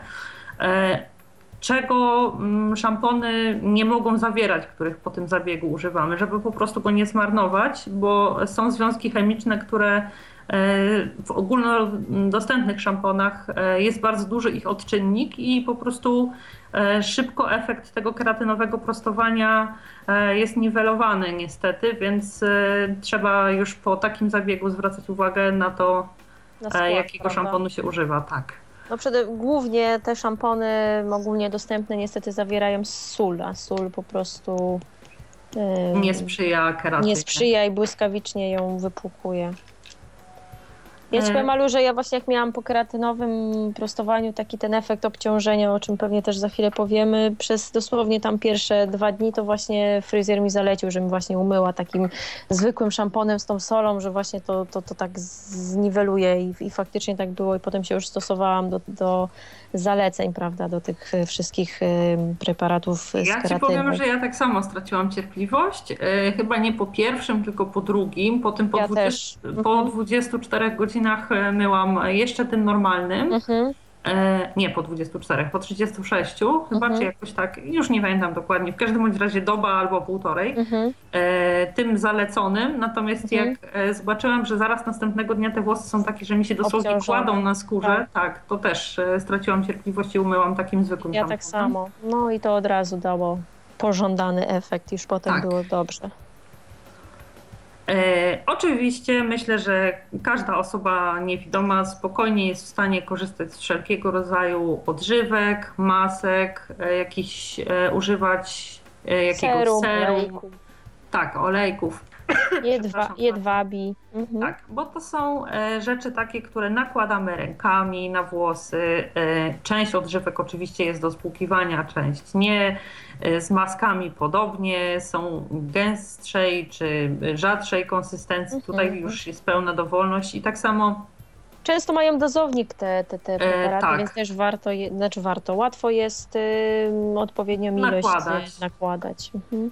tak. e, I e, myślę, że takie e, dobre akcesoria, które wspierają ich działanie, obojętnie czy ze spłukiwaniem, czy bez, e, to są wszelkiego rodzaju takie kapturki foliowe, Mhm. e, których możemy używać e, po pierwsze dlatego, że od ciepła, które wydaje skóra głowy, lepiej się wchłaniają we włosy, e, nie wysychają nam na włosach tak szybko i e, też e, jest kwestia taka, no, że po prostu te włosy upięte i schowane pod tym kapturem nas nie brudzą po szyi i tak dalej, że Mhm. E, łatwo jest e, i nakładać i nosić i spłukiwać. One na ogół teraz e, też mają taką lekką formułę, szybki czas działania, że nie trzeba nie wiadomo ile wystawać pod tym prysznicem. Oczywiście zawsze im dłużej, tym lepiej, bo więcej tego preparatu się wchłonie, ale jeśli się spieszymy, jeśli jest to takie codzienne mycie, nie jakieś nadzwyczajne, że urządzamy sobie w domu prawdziwe spa, to takie z lekką formułą spokojnie po kilku minutach mogą być zmyte i też dają całkiem niezły efekt. Ja zawsze zaczynam od mycia głowy i właśnie nakładam tą maskę i potem zabieram się za resztę, więc i tak mam sporo ja właśnie czasu, robię żeby, dokładnie tak samo. żeby to się wszystko wchłonęło. Na koniec puczę te włosy i tak jest optymalnie. Jasne, pewnie, że tak. I nie traci się wtedy e, Czasu, prawda? Nie czasu. trzeba czekać. A czas O, to teraz pieniądz. tak. E, Teraz e, cóż jeszcze? Aha, jedwabie, olejki, serum. No to przeważnie przy e, jakichś takich suchych włosach albo włosach farbowanych warto wspomóc tymi jedwabiami. Jedwab sprawia, że włosy stają się takie jakby bardziej miękkie w dotyku, nawilża dobrze, są takie gładkie. Tak, olejki. Fajnie wygładzają, nawet jak mamy takie włosy, które nie są ani kręcone, ani proste tak naprawdę, to, to właśnie jedwab robi z nimi to, że, że są takie super wygładzone i bardzo, bardzo dlatego lubię jedwab, delikatniejsze dokładnie. E, Olejki wzbogacają nam strukturę włosa i e, powodują, że właśnie nie wygląda na taki przesuszony. Dla mnie absolutną rewelacją jest olejek arganowy, e, który bardzo dobrze, przynajmniej mm, na który bardzo dobrze moje włosy reagują, bo wchłania się błyskawicznie. Też jest łatwy w aplikacji. E, Nie ma problemu z nałożeniem właściwej ilości, bo jest w atomizerze. Też można spokojnie rozetrzeć między paluszkami i e, wcierać sobie w, te miejsca na włosach, które chcemy, niekoniecznie od nasady, żeby nie obciążać już od nasady włosów, tam gdzie mm, tłuszczą się najszybciej. Tak, no właśnie to jest też taka mm, zasada właśnie dla osób, które mają tłuste włosy z tendencją do przetłuszczania się, prawda, żeby mm, nawet nie kłaść takich preparatów na, na sam czubek, prawda, ani odżywek też lepiej nie kłaść, tylko po prostu gdzieś tam zaczynać już z długości włosa. Wtedy Albo dłużej te- można stosować jakieś serum, które na przykład jest tylko do samych końcówek. Dokładnie. Jeśli mamy włosy, które się nam przetłuszczają, a niszczą się nam końcówki, to są sera takie dedykowane tylko do, do końcówek włosa i można sobie spokojnie e, z nich korzystać. To są maleńkie buteleczki z małym aplikatorkiem, przynajmniej e, te dwa, które ja mam. Mhm. E, I one e, działają, e, to znaczy są bardzo wydajne i bardzo dobrze działają. Tak, to prawda. To teraz cóż jeszcze robimy? Suszymy, układamy, modelujemy. Mhm. Używamy maszyny typu, wiadomo, suszarki, prawda, lokówki, co tam jest jeszcze, prostownice. Tak, z też- suszarką e, należy ostrożnie. E, Ja na przykład swoich włosów nigdy nie suszę, e, suszę na dużym obrocie, natomiast nigdy Mhm. nie suszę na maksymalnej temperaturze. Oczywiście z uwagi na to, że mam suche włosy, więc nie chcę ich dodatkowo tym Mhm. gorącym powietrzem jakoś tam traktować zbyt mocno. Oczywiście też nie należy trzymać zbyt blisko głowy, żeby sobie po prostu włosów nie spalać suszarką, bo jak ona już Jasne. na samym początku tego tak nie odczuwamy, ale jak już jest bardzo rozgrzana, e, to po prostu te włosy są tak mocno suszone gorącym powietrzem, że są nieomalże spalane, więc Mhm. e, e, na to z należy uważać. sensownej odległości trzymać suszarkę. Tak. e, I tutaj o końcówkach do suszarek. Ja akurat e, jednej nie używam, drugiej tak. E, Dyfuzora nie używam. e, To znaczy tej takiej. To jest taka szeroka końcówka, Mhm. okrągła, Z zębami. z zębami takimi i e, one służą do tego, żeby przez e, takie jakby sfalowanie e, włosom przydać objętości. E, Więc e, są e, polecane właśnie, no loków się tym nie zrobi. Przynajmniej ja nie widziałam, żeby ktokolwiek zrobił, nawet fryzjerka, takim dyfuzorem. Ewentualnie jakieś takie luźne fale, ale objętości spokojnie można, można sobie dodać. I też działa to w ten sposób, że osoby mogą korzystać z dyfuzora, które mają tendencję, których włosy mają tendencję do takiego nadmiernego przywierania do skóry. Po prostu też można je sobie tak lekko napuszyć. E, I wtedy nie dosyć, że wydaje, się ich że wydaje się, że jest ich więcej, to jeszcze dodatkowo e, jakby dłużej pozostają świeże. Nie, są, e, nie ma takiego wrażenia oklapniętych włosów. Mhm. E, Natomiast ja używam kierunkowej, e, to znaczy tej zwężającej Ja też. E, końcówki, e, po to, żeby po prostu suszyć konkretną partię włosów od góry Mhm. do dołu e, i nie rozwiewać na boki, bo po prostu wtedy nie ma sensu układanie, bo jedną partię włosów ułożę. Za chwileczkę suszę następną partię pod albo obok i po prostu jeśli nie mam tej końcówki zwężającej, to rozwiewam te włosy na wszystkie strony i po prostu no, psuję sama to, co zrobiłam przed chwilą właściwie, tak? E, szczotki e, do mm, modelowania. To już żeśmy rozmawiały, że Tak, podobnych używamy właśnie szerokich takich, em, o szerokiej dość średnicy, prawda, z tego e, włosia Dziczej naturalnego. Mhm. one są bardzo dobre, dlatego że e, po pierwsze nie niszczą włosów, bo e, ten włos, jeśli się go dotyka, e, on się wydaje szorstki, ale w porównaniu z takimi szczotkami, które są druciane albo plastikowe, e, nie ma takiego mocnego tarcia, bo przez to, że to jednak jest włos, to on jest elastyczny, po prostu trochę się ugina. Mhm. mimo że jest szorstki i tak bardzo nie trze o te nasze włosy, co pozwala e, raz nie niszczyć, nie jakby mm, nie powoduje też, że mm, włosy się elektryzują, a jednak jest na tyle szorstki, że spokojnie pozwala na układanie tych włosów. No tak, świetne są naprawdę właśnie. Ja do do modelowania, do układania. E, tak, i najczęściej od, e, jakby doceniam tą szczotkę, kiedy zabieram e, gdzieś w podróż tą suszarkę taką małą, podróżną, Podróżną. która ma tą e, Mhm. lokówkową końcówkę. Mhm. No bo wiadomo, jak jadę gdzieś tam na kilka dni, to nie wożę wszystkich tych szczotek ze sobą, Jasne. tylko zabieram tą końcówkę i widzę jaka jest różnica między właśnie tym plastikiem, a tym jak się suszy naturalnym włosem. E, tą szczotką z naturalnym włosem. E, nie wiem, czy tego typu szczotki są dostępne w drogeriach takich zwykłych. E, Ja kupiłam w sklepie z akcesoriami fryzjerskimi, ponieważ ja mam naprawdę bardzo kłopotliwe włosy i szukałam czegoś, co e, jakimś niewielkim nakładem sił i środków e, pozwoli mi łatwiej nad nimi zapanować, więc Ja tą swoją też właśnie kupiłam u, fryzjera stricte, więc też nie wiem, czy w drogerii, no być może, ale też nie jestem tego pewna na 100%. Trzeba byłoby się dowiedzieć, prawda? No jest też jest coraz y, też szersza gama w tych wszystkich Rossmanach, mm, szczotek wszelakich, nawet w Seforze. Ostatnio widziałam, ale właśnie nie, nie, nie wiem, nie orientuję się, czy, czy właśnie takie już bardzo profesjonalne z tego włosia y, byłyby dostępne.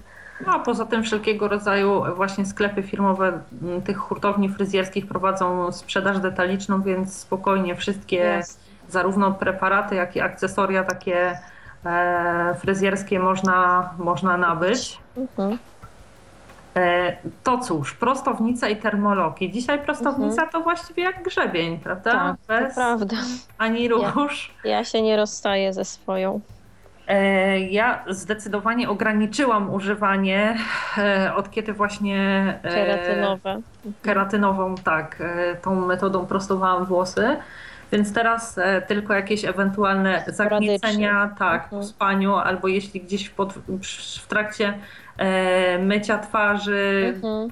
e, ochlapię sobie włosy te przy twarzy i gdzieś mi się tam odkształcą, że już nie są proste, a to wtedy sięgam, wysuszę, później sięgam po prostownicę i te kilka pasm to jest chwila, nie trzeba już całej głowy. Niemniej jednak kupując prostownicę, żeby sprawdzić, czy jest dobra, należy wziąć ze sobą nitkę i e, przy, jeśli kupimy to, mm, wybieramy na przykład gdzieś w jakimś e, Mediamarkt, czy Euro, czy jakimś innym e, sklepie, Saturnie. Mhm. tak, y, złożyć ciasno te płytki do siebie Mhm. i sprawdzić, czy przy zupełnie zamkniętych między nimi, kiedy nie ma włosów, między nimi ta nitka przejdzie.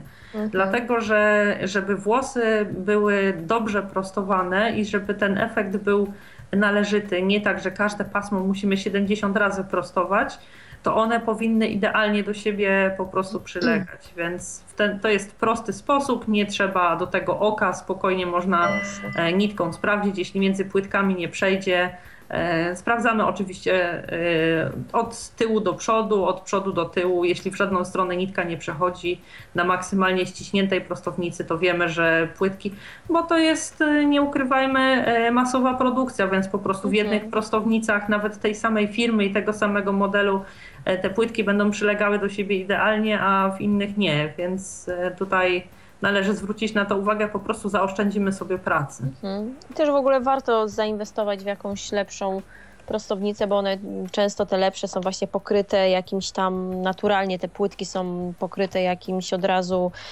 Moja była pokryta czymś z awokado, już nie pamiętam nawet co to było i to faktycznie przez, przez długie lata użytkowania ja czułam po prostu, że te płytki tak śmigają po tych włosach, y, nie zahaczają tą, tą swoją strukturą właśnie o strukturę włosa. Myślę, że, że warto jest właśnie w lepszy sprzęt inwestować. E, tak, i warto przechowywać. Ja mam akurat prostownicę starą jak świat, e, akurat fryzjerską z Vidal Sassoon, e, ale przechowuję ją zawsze w pudełku, e, dlatego że na przykład przez kurz e, łatwo Mhm. jest płytki zarysować. I tak jak Dorota mówiła później, e, jedzie się po gładkich włosach, a e, te płytki są niestety już porysowane i Rysowane. e, po prostu nam hamują. Nie jest ten, nie prostujemy tych włosów takim jednym ślizgiem, tylko po prostu zahaczają się nam o poszczególne włosy na tych rysach. Mhm. Więc trzeba tutaj o prostownicę też dbać. Tak, dbać, żeby była przede wszystkim właśnie niezakurzona, ale też czasami jakieś tam, nie wiem, no resztki jakiegoś jedwabiu potrafią tam zaschnąć, więc też warto ją tam czasami przetrzeć, prze, przeczyścić y, te, te, te płytki właśnie ceramiczne. No i cóż, i warto też jak nie mamy, prawda, sprawnego wzroku uważać, tak, żeby się nie poparzyć, bo są to naprawdę bardzo wysokie temperatury do 180 stopni, nie, gdzie, gdzie do 220 chyba Tak, ta moja nawet tak. działa, prawda? Ja na 180 prostuję, ale prawda, ma temperaturę jak w piekarniku, więc mm, ostatnio sobie rutyna mnie zgubiła, takiego bombla na palcu zrobiłam, że Mnie też. E, Nie tyle rutyna, co pośpiech. E, Byłam umówiona w mieście i chciałam właśnie sobie przeprostować włosy z boku, bo mi się odgniotły. E, I niestety jedną z tych płytek dotknęłam ucha i to było bardzo, ale to bardzo nieprzyjemne, bo to właściwie tak jakby żelazko po prostu Żelazko, rozgrzane się prawda. przytknęło, więc to no, wystarczy na miło nie było. milisekundę i bąbel, prawda, dopiero teraz już dwa tygodnie, jutro minął i dopiero mi się zagoiło to. Więc O mnie też ucho bardzo długo piekło.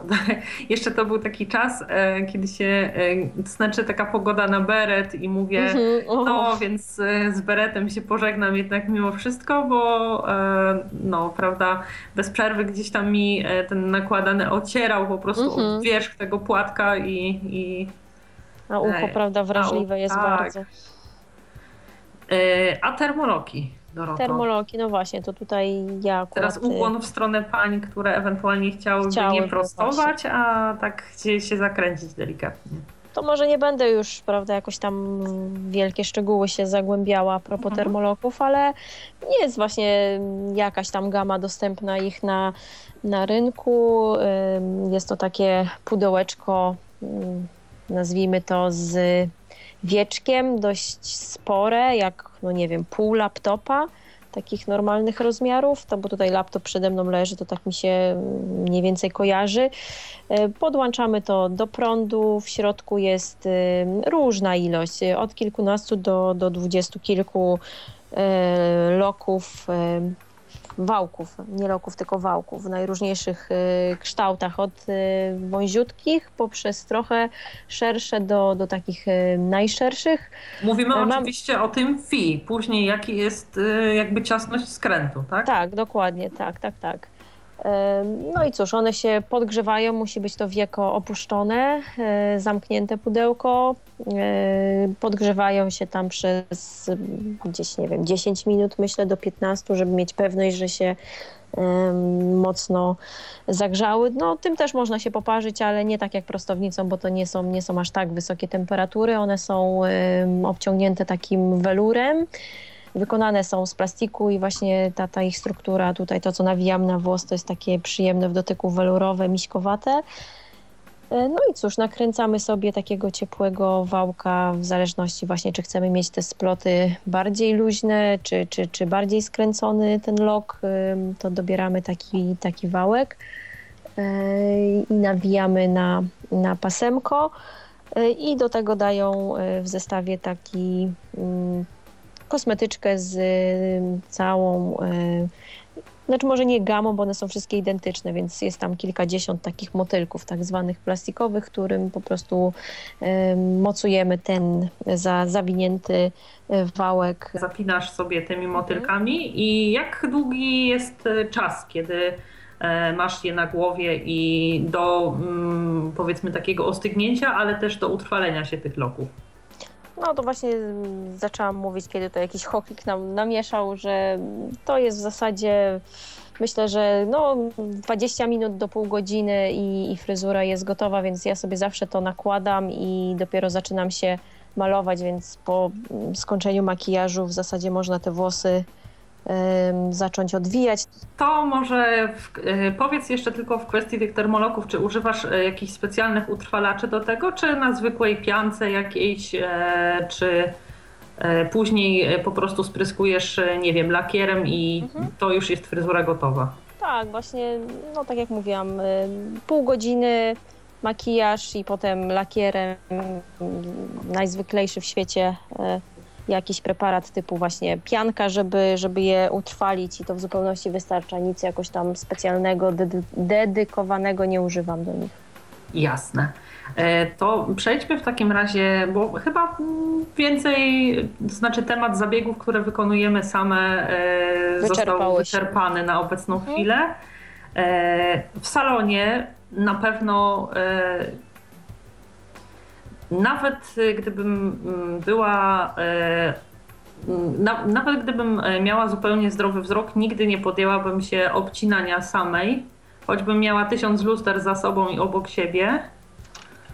E, I też coś takiego, czego unikam przez całe życie, to znaczy mm, już jako, że tak powiem, osoba dorosła, to mhm. podcinanie przez niefryzjerów, dlatego tak. że fryzjer zawsze dysponuje odpowiednim sprzętem. To nie są jakieś nożyczki takie, które mamy w domu i po prostu E, mama tam powiedzmy jako dziecku to mogła mi, nie wiem, podciąć grzywkę, czy tam końcówki, czy e, wzajemnie tam jakoś z koleżankami się podcinałyśmy gdzieś jakiś kosmyk jeden czy dwa, e, natomiast do już wykonywania fryzur albo obcinania całych włosów na pewno zgodzisz się ze mną, że powinien to robić fryzjer. Raz, że dysponuje E, odpowiednim sprzętem, a dwa e, przez siłę swojego doświadczenia z różnego rodzaju włosami, kształtami głów, yes. tym jak widzi, jak włosy układają się na naszej głowie, bo przecież to nie jest tak, że mamy całe włosy i w każdym miejscu one się układają jednakowo. I trzeba umieć odpowiednio dopasować cięcie i do kształtu naszej głowy, i do tego też, jakie mamy włosy, prawda?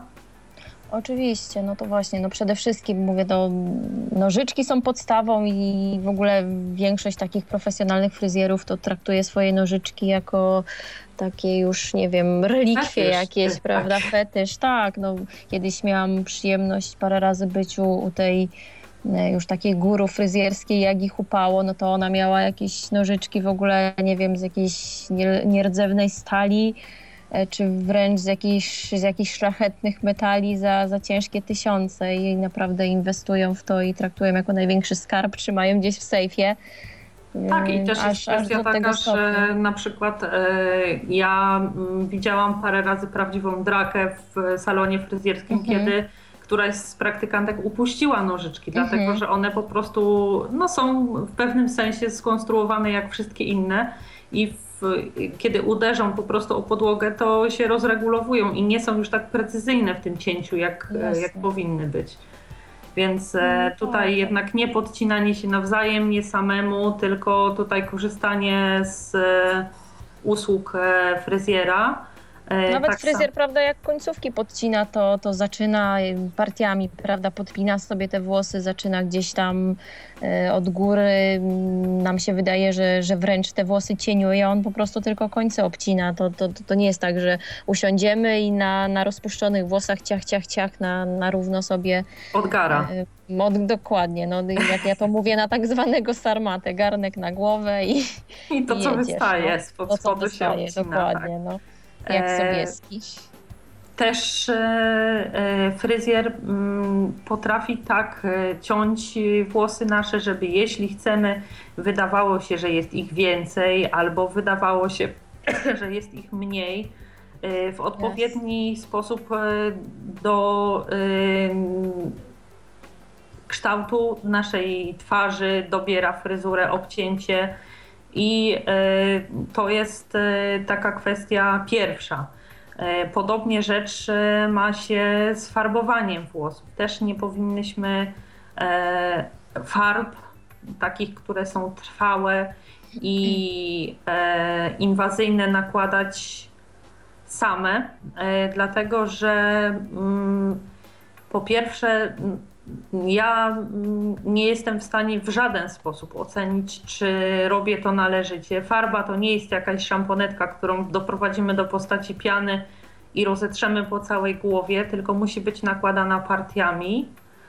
E, też jest kwestia taka, że w przypadku siwych włosów e, fryzjer będzie wiedział, jakie farby, chodzi tutaj e, o rodzaj czy o markę tej farby. Mhm łatwiej pokrywają siwe włosy i dłużej się na nich trzymają. A tego nie powie ani e, ekspedientka w sklepie drogeryjnym, e, ani też osoba, która jakiejś tam farby używa, bo na przykład e, na e, jednych włosach siwych będzie się farba utrzymywała e, taka dłużej, na drugich inna. Tak samo będzie też e, na jednych szybciej łapała farba jedna, a na drugich e, trzeba będzie czekać całą wieczność zanim złapie.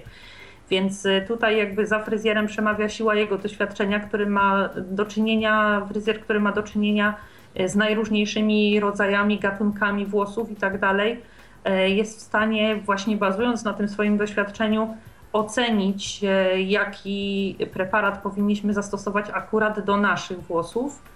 E, Druga sprawa w kwestii tego farbowania, która przemawia za fryzjerem, to to, że fryzjer widząc nasze włosy e, wie, od których partii powinien zacząć farbowanie. Nawet jeśli nie mamy siwych włosów, ale na przykład e, w pewnych częściach głowy włosy mamy bardziej zniszczone, albo w jednych bardziej suche, albo w innych bardziej e, przetłuszczające, to znaczy e, takie, nie, nie przetłuszczające, źle mówię.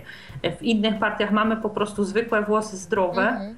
E, to po prostu fryzjer będzie zaczynał e, od tych partii, gdzie wie, że mm, najdłużej będzie trzeba, e, trzeba tą farbę trzymać na głowie, a kończył na tych, na których ona złapie najprędzej, żeby nie było tak, że na całe włosy nakładamy jeden odcień farby, a mamy różne kolory później na głowie z, Mhm. tego, z tego odcienia. No właśnie tak niestety wychodzi, jak się, jak się eksperymenty samemu robi. Tak, więc jeszcze myślę, że no niestety tutaj e, też jakby mm, brak wzroku jest e, pewnego rodzaju utrudnieniem, tak, bo e, ktoś, kto załóżmy nakłada jedną i tą samą farbę ciągle jest w stanie jakiś taki nie wiem, modus operandi sobie wypracować, że już Mhm. wie, gdzie mu ta farba łapie szybciej. My nie jesteśmy w stanie tego stwierdzić, po prostu dopóki tego nie zmyjemy, więc y, to jakby też y, tutaj Przemawia jest- za fryzjerem. przemawia. Y, I w ogóle warto jest fajnie, fajnie przede wszystkim jest mieć takiego już swojego, prawda, sprawdzonego fryzjera. On już wtedy zna nasze włosy, wie jak one się zachowują w kontakcie z tą, z tą farbą i to też myślę sprzyja prawda, jakiemuś fajnemu efektowi końcowemu i naszemu zadowoleniu przede wszystkim. Oczywiście, tak samo e, fryzjerzy też mają dobre rozeznanie e, w kwestii takiej, która też poniekąd mnie dotyczy, ponieważ ja mam uczulenie na amoniak. E, Jest w stanie dobrać od jakichś, nie wiem, preparatów rozjaśniających albo przez farby czy jakieś tam tonery do włosów jest w stanie dobrać taki preparat, który po prostu nas nie uczuli, bo e, Mhm. czasami jest tak, że w składzie farby, jak my e, czytamy, e, są napisane jakieś tylko, załóżmy, związki pochodne od Tak. tego e, preparatu, na który mamy uczulenie, a fryzjer przynajmniej powinien z założenia wiedzieć, e, że nawet jeśli wprost nie pisze, że to jest ten preparat, nie jest napisane w ulotce z Mhm. farby, to e, po prostu przez e, właśnie kontakt z różnymi preparatami i znajomość ich składów będzie w stanie ocenić, czy tam na pewno tego nie ma, a doświadczenie z farbą, na którą mamy uczulenie jest bardzo niemiłe. E, mi raz przydarzyła się taka sytuacja i to e, akurat w salonie, ale Mhm. wtedy po prostu jeszcze nie wiedziałam o tym, że mam to uczulenie na amoniak. I w jednej chwili, dosłownie to było chyba dwie albo trzy minuty, spuchła mi głowa, cała skóra na całej głowie i czułam się tak, jakby mi ktoś w głowę wbijał naraz miliard igieł, więc po prostu najgorszemu wrogowi nie życzę. Jasne. Cóż jeszcze, jeśli chodzi o pielęgnację, co oferują nam salony, z czego korzystamy? No cóż, to ja sobie bardzo chwalę akurat y, w te wakacje zaczęłam, czy nawet przed wakacjami całą taką serię, to się potocznie nazywa sauna, tak? Y, Taki bardzo przyjemny zabieg, gdzie fryzjer, fryzjerka nakłada najróżniejsze tam w zależności właśnie od rodzaju włosów. Najróżniejsze preparaty nawilżające, odbudowujące strukturę. No generalnie właśnie to ma, to ma na celu nawilżenie, prawda, odbudowanie i podniesienie kondycji tych włosów. To są bardzo to już takie profesjonalne, jednorazowe ampułki. Masowuje to we włosy, to już w ogóle samo, samo to nakładanie jest bardzo przyjemne i jakieś fajne walory zapachowe one posiadają, prawda, plus to masowanie. No i później siedzimy sobie od 20 nawet czasami do 30 minut pod taką kopułą. Tak, kopułą, do której nalewa się wody i to sobie tak pyrka, tak, paruje i właśnie podgrzewa te, te, te wszystkie tam preparaty, żeby jak najlepiej się prawda, wniknęły w te nasze w te nasze włosy. I faktycznie dużo, dużo osób mi teraz mówi, że, że takie są lśniące, błyszczące i pierwsze właśnie wizualnie wyglądają lepiej, ale są bardziej sprężyste, lepiej się rozczesują, nie plączą się. Ja mam właśnie włosy z tendencją do, do plątania się i głównie dlatego się na to zdecydowałam, na te sauny. To wystarczy tych, tych zabiegów. Już trzy takie sauny w odstępie tygodnia przynoszą pożądany efekt i nie jest to jakoś bardzo, bardzo kosztowne. Tutaj u mnie w okolicach Warszawy 50 zł sama, prawda, ta sauna, plus tam, no wiadomo, ja to zawsze chcę, żeby mnie fryzjerka już potem uczesała, wymodelowała, więc tam odpowiednio więcej o to, o to modelowanie, ale jeśli właśnie tylko sama sauna, no to mówię, u mnie 50 zł, więc myślę, że, że warto po prostu też zainwestować, bo, bo to taki jest efekt długotrwały i te włosy faktycznie są widocznie odbudowane. Co do e, tych masaży, które są wykonywane w salonach, to one mają e, zbawienny wpływ nie tylko na skórę głowy, ale też na cebulki włosów, bo po prostu e, jakby mm, przez to, że tym masażem dostarcza się im wszystkich tych jakby produktów odżywczych, to są tak jakby bardziej produktywne i włosy mhm. są mocniejsze i szybciej rosną i mniej wypadają, więc same plusy. E, korzystania z takich, e, e, z takich form jakby pielęgnacji. To można w zasadzie cały rok, prawda? Bo i właśnie po zimie mm, włosy mamy osłabione przez mróz, przez centralne ogrzewanie, czy właśnie przed wakacjami, żeby je odżywić, żeby mm, słońce tak Albo tak bardzo po, je od morskiej Albo, wody dokładnie. i słoneczka też można. Też, to nawet chyba lepiej zrobić, zrobić po. Można i po i przed. Pewnie. W zasadzie Zwłaszcza, myślę, że to cały rok można sobie jakoś tam wyznaczyć, prawda, że, że kilka razy w roku sobie takie coś zrobimy i po pierwsze to jest bardzo przyjemne i takie relaksujące, a po drugie no właśnie takie mm, Zbawcze. zbawienne, tak, dokładnie dla naszych włosów. E, to mm, nasze, e, że tak powiem, ostatnie odkrycie fryzjerskie tak, jeszcze. E, tutaj ja miałam robione przez fryzjerkę, ale u siebie w domu Dorota korzystała z jakiegoś w okolicy Salon. swojej wypasionego salonu, ale generalnie metoda ta sama i, i preparaty te same e, do prostowania włosów. E, ja powiem szczerze, byłam królikiem, e, że tak powiem, doświadczalnym mojej fryzjerki i też królikiem doświadczalnym większości swoich znajomych, bo mhm.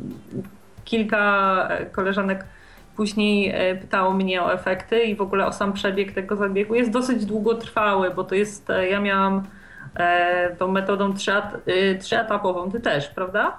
E, tak, tak, bo mówimy o keratynowym prostowaniu, tak, żeby już tutaj dla, tak, dla ścisłości. Tak, mi umknęło. Mówię tak, ja miałam nie mówię o czym. Tak, Więc... to ja często tak buduję napięcie. Przebiega w ten sposób, że e, najpierw e, myje się głowę takim tak. specjalnym szamponem, który mhm. E, wypłukuje. Tak, otwiera łuskę włosa i wypłukuje bardzo dogłębnie ten tłuszcz z włosów, mhm. który mamy naturalnie. Później po wysuszeniu jest nakładana. Nie, po wysuszeniu? Nie, na e, jeszcze mokre włosy jest nakładana sama ta e, keratyna. E, pasmo po paśmie, tak jak nakłada się farbę warstwami po prostu, Mhm. bo e, każdy e, kosmyk włosów musi być tak jakby potraktowany tą keratyną, żeby nie było żadnych pominiętych, bo one po prostu nie zostaną wyprostowane, jeśli e, później się je suszy i prostuje. E,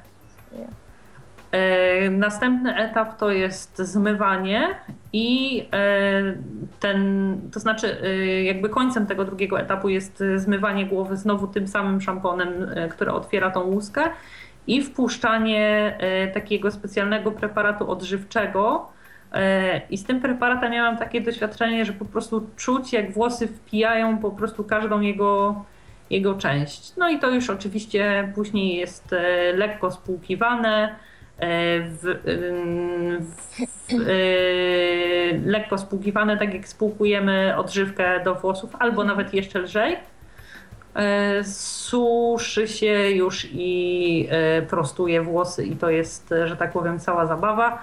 To ja tutaj, że tak powiem, przytoczyłam, jak wyglądało prostowanie w moim przypadku samo, sam zabieg, a to Dorota, jeśli ty możesz się podzielić się refleksjami na temat e, własnego i później jeszcze chwilę o efektach sobie.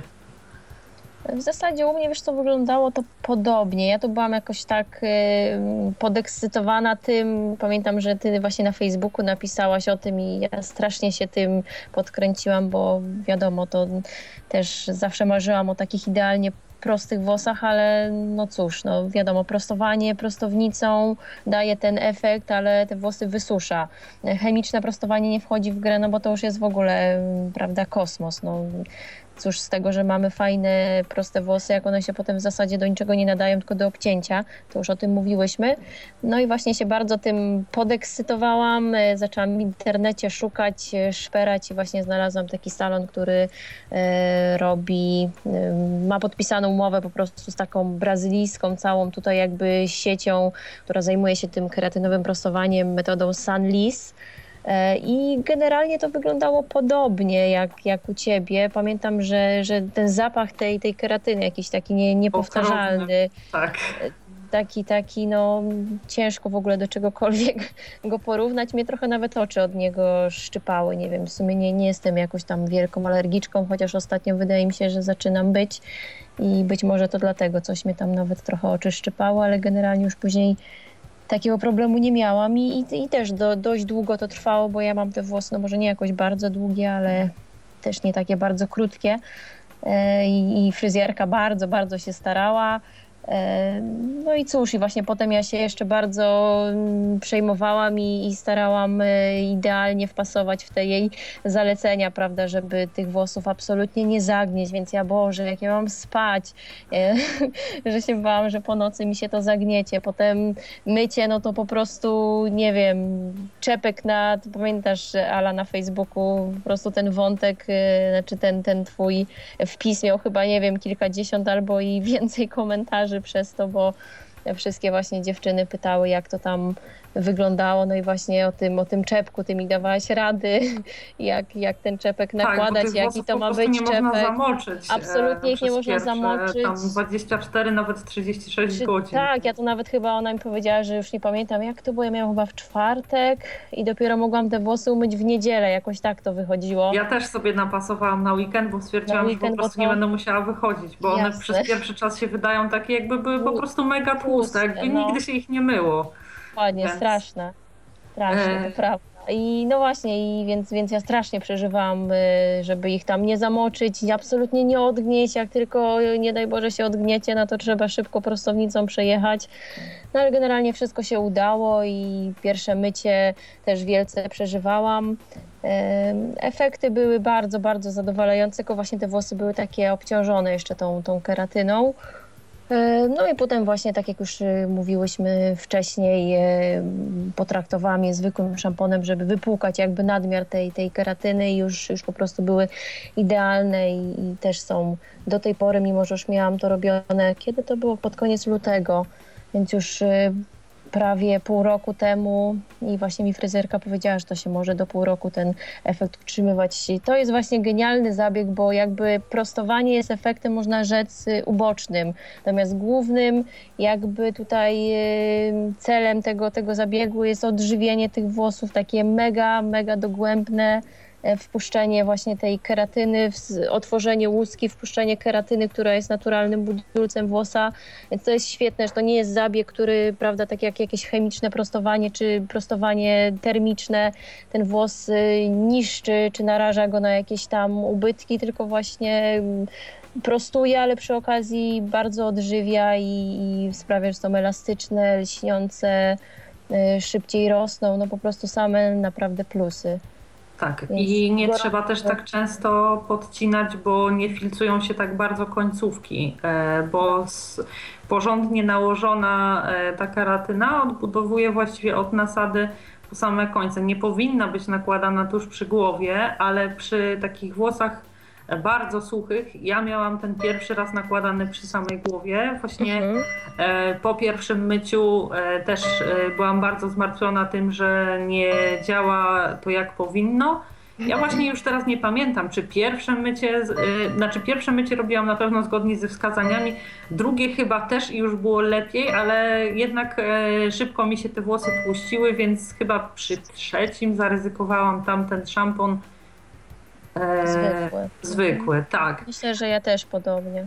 Tyle, Bo że ja... właśnie tutaj y, to, co my mówimy, że, że do zaleceń, czyli prawda, y, kosmetyki na bazie keratyny, tak, są dedykowane po tym, po tym zabiegu i one faktycznie y, absolutnie nie zawierają tych wszystkich związków, tych przede wszystkim soli, najzwyklejszej w świecie kuchennej soli, która właśnie tam wypłukuje tą keratynę, tylko wręcz Sól przeciwnie. i jeśli dobrze kojarzę, silikon e, jeszcze Silikon. e, też e, nie powinien być w tych preparatach. Właśnie Mhm. teraz mi się przypomniało. I właśnie też kojarzę, że to znaczy nie, z preparatów takich, których ja używam, znaczy tak, u mnie ten efekt trwał krócej, bo tak jak już mówiliśmy wcześniej, Dorota ma normalne włosy, ja mam suche, więc ja musiałam robić kolejny zabieg po czterech miesiącach. Ale plusem jest to, że po tym drugim zabiegu już, e, ponieważ nie miałam tak e, przy samej nasadzie e, nakładanego tego preparatu, nie miałam już tego problemu tych włosów takich właśnie Mhm, obciążonych. tak, obciążonych. I przez cały czas i przez przepraszam, po tej pierwszej e, jakby dawce tej keratyny i po tej drugiej e, stosuję z, e, produkty uzupełniające z firmy Biovax, więc one Mhm. są właśnie cała jest seria jest taka maseczka do spłukiwania i właśnie serum takie, które się nakłada na końcówki końce. i taka odżywka też, którą się nakłada bez spłukiwania, więc jeśli ktoś e, tam będzie korzystał właśnie z tych e, keratynowych prostowań, to właśnie jak, jako takie dodatkowe wsparcie keratynowe mogę z, czystym sumieniem ten Biovax polecić. Mhm. No a czas właśnie zależy chyba od kondycji włosów. Ja też jestem bardzo zadowolona, e, dlatego że mi z kolei to ułatwiło robienie szybkich fryzur. W sensie takim, że wcześniej musiałam bardzo długo nawijać na szczotce, żeby te włosy Mhm. wygładzać i prostować. Później jeszcze prostownicą, a teraz e, susząc e, nawijam na szczotce i właściwie po każdym jednym e, takim nawinięciu już e, mam te włosy wygładzone, a prostuję sobie e, później tylko w tych miejscach, gdzie właśnie zostały mi jakieś zagięte czy takie nie do końca wyprostowane. Natomiast e, spokojnie też daję radę e, prostować, e, to znaczy susząc, rozczesując grzebieniem. E, Nie musiałabym właściwie nawijać na szczotkę, jeśli nie chcę układać fryzury. Chciałabym mieć takie stricte proste włosy, nie wymodelowane jakoś. To na prosto da się to zrobić samym grzebieniem i później tylko prostownicą też poprawić Mhm. te miejsca, gdzie, gdzie wyszło nie do końca dokładnie. Więc nawet bez używania szczotki na całkiem proste włosy da się samym grzebieniem. No i jeszcze właśnie warto powiedzieć, że dla blo- blondynek to, to też będzie pewnie istotne, że I dobre. prostowanie i dobre naturalnie jakoś tak te włosy o ton czy nawet dwa rozjaśnia i to faktycznie widać. Tak, i rozjaśnia oczywiście po całości, bo, bo na całe włosy jest nakładany, więc jest to równomiernie. Nie należy się obawiać czegoś takiego, że w jednym miejscu będą rozjaśnione Tak. bardziej, a w drugim mniej, bo rozjaśnia się dokładnie tam, gdzie preparat był e, nałożony. To w Mhm. kwestii e, korzystania z salonów jeszcze taka jedna e, bardzo ważna i, i cenna uwaga, taka, że salon niezależnie od tego, e, co pracownicy mówią, e, ponosi całkowitą odpowiedzialność za to, co z naszymi włosami jest robione, więc e, nakładając farbę w domu, czy podcinając włosy w domu, czy cokolwiek robiąc z nimi, e, no jakby mm, bierzemy jakby ryzyko na siebie. Natomiast korzystając z usług salonu e, fryzjerskiego mamy e, ten plus, że w przypadku e, jakiejś takiej sytuacji nieprzewidzianej, nie wiem, właśnie jakiegoś uczulenia na preparat albo złego wykonania, niewłaściwego wykonania usługi, spokojnie możemy się domagać rekompensaty. I to jest taka kolejna kwestia, która przesądza o tym, że jednak warto w kwestii usług fryzjerskich korzystać z salonów, a nie e, robić to samodzielnie. Halo? No ja cię, Alu, słyszę, natomiast Dorota chyba nam znowu gdzieś y, zniknęła, tak się obawiam. Za momencik y, spróbuję znowu y, to połączenie zrealizować. Już szukamy Doroty i, i już się łączymy z Dorotą.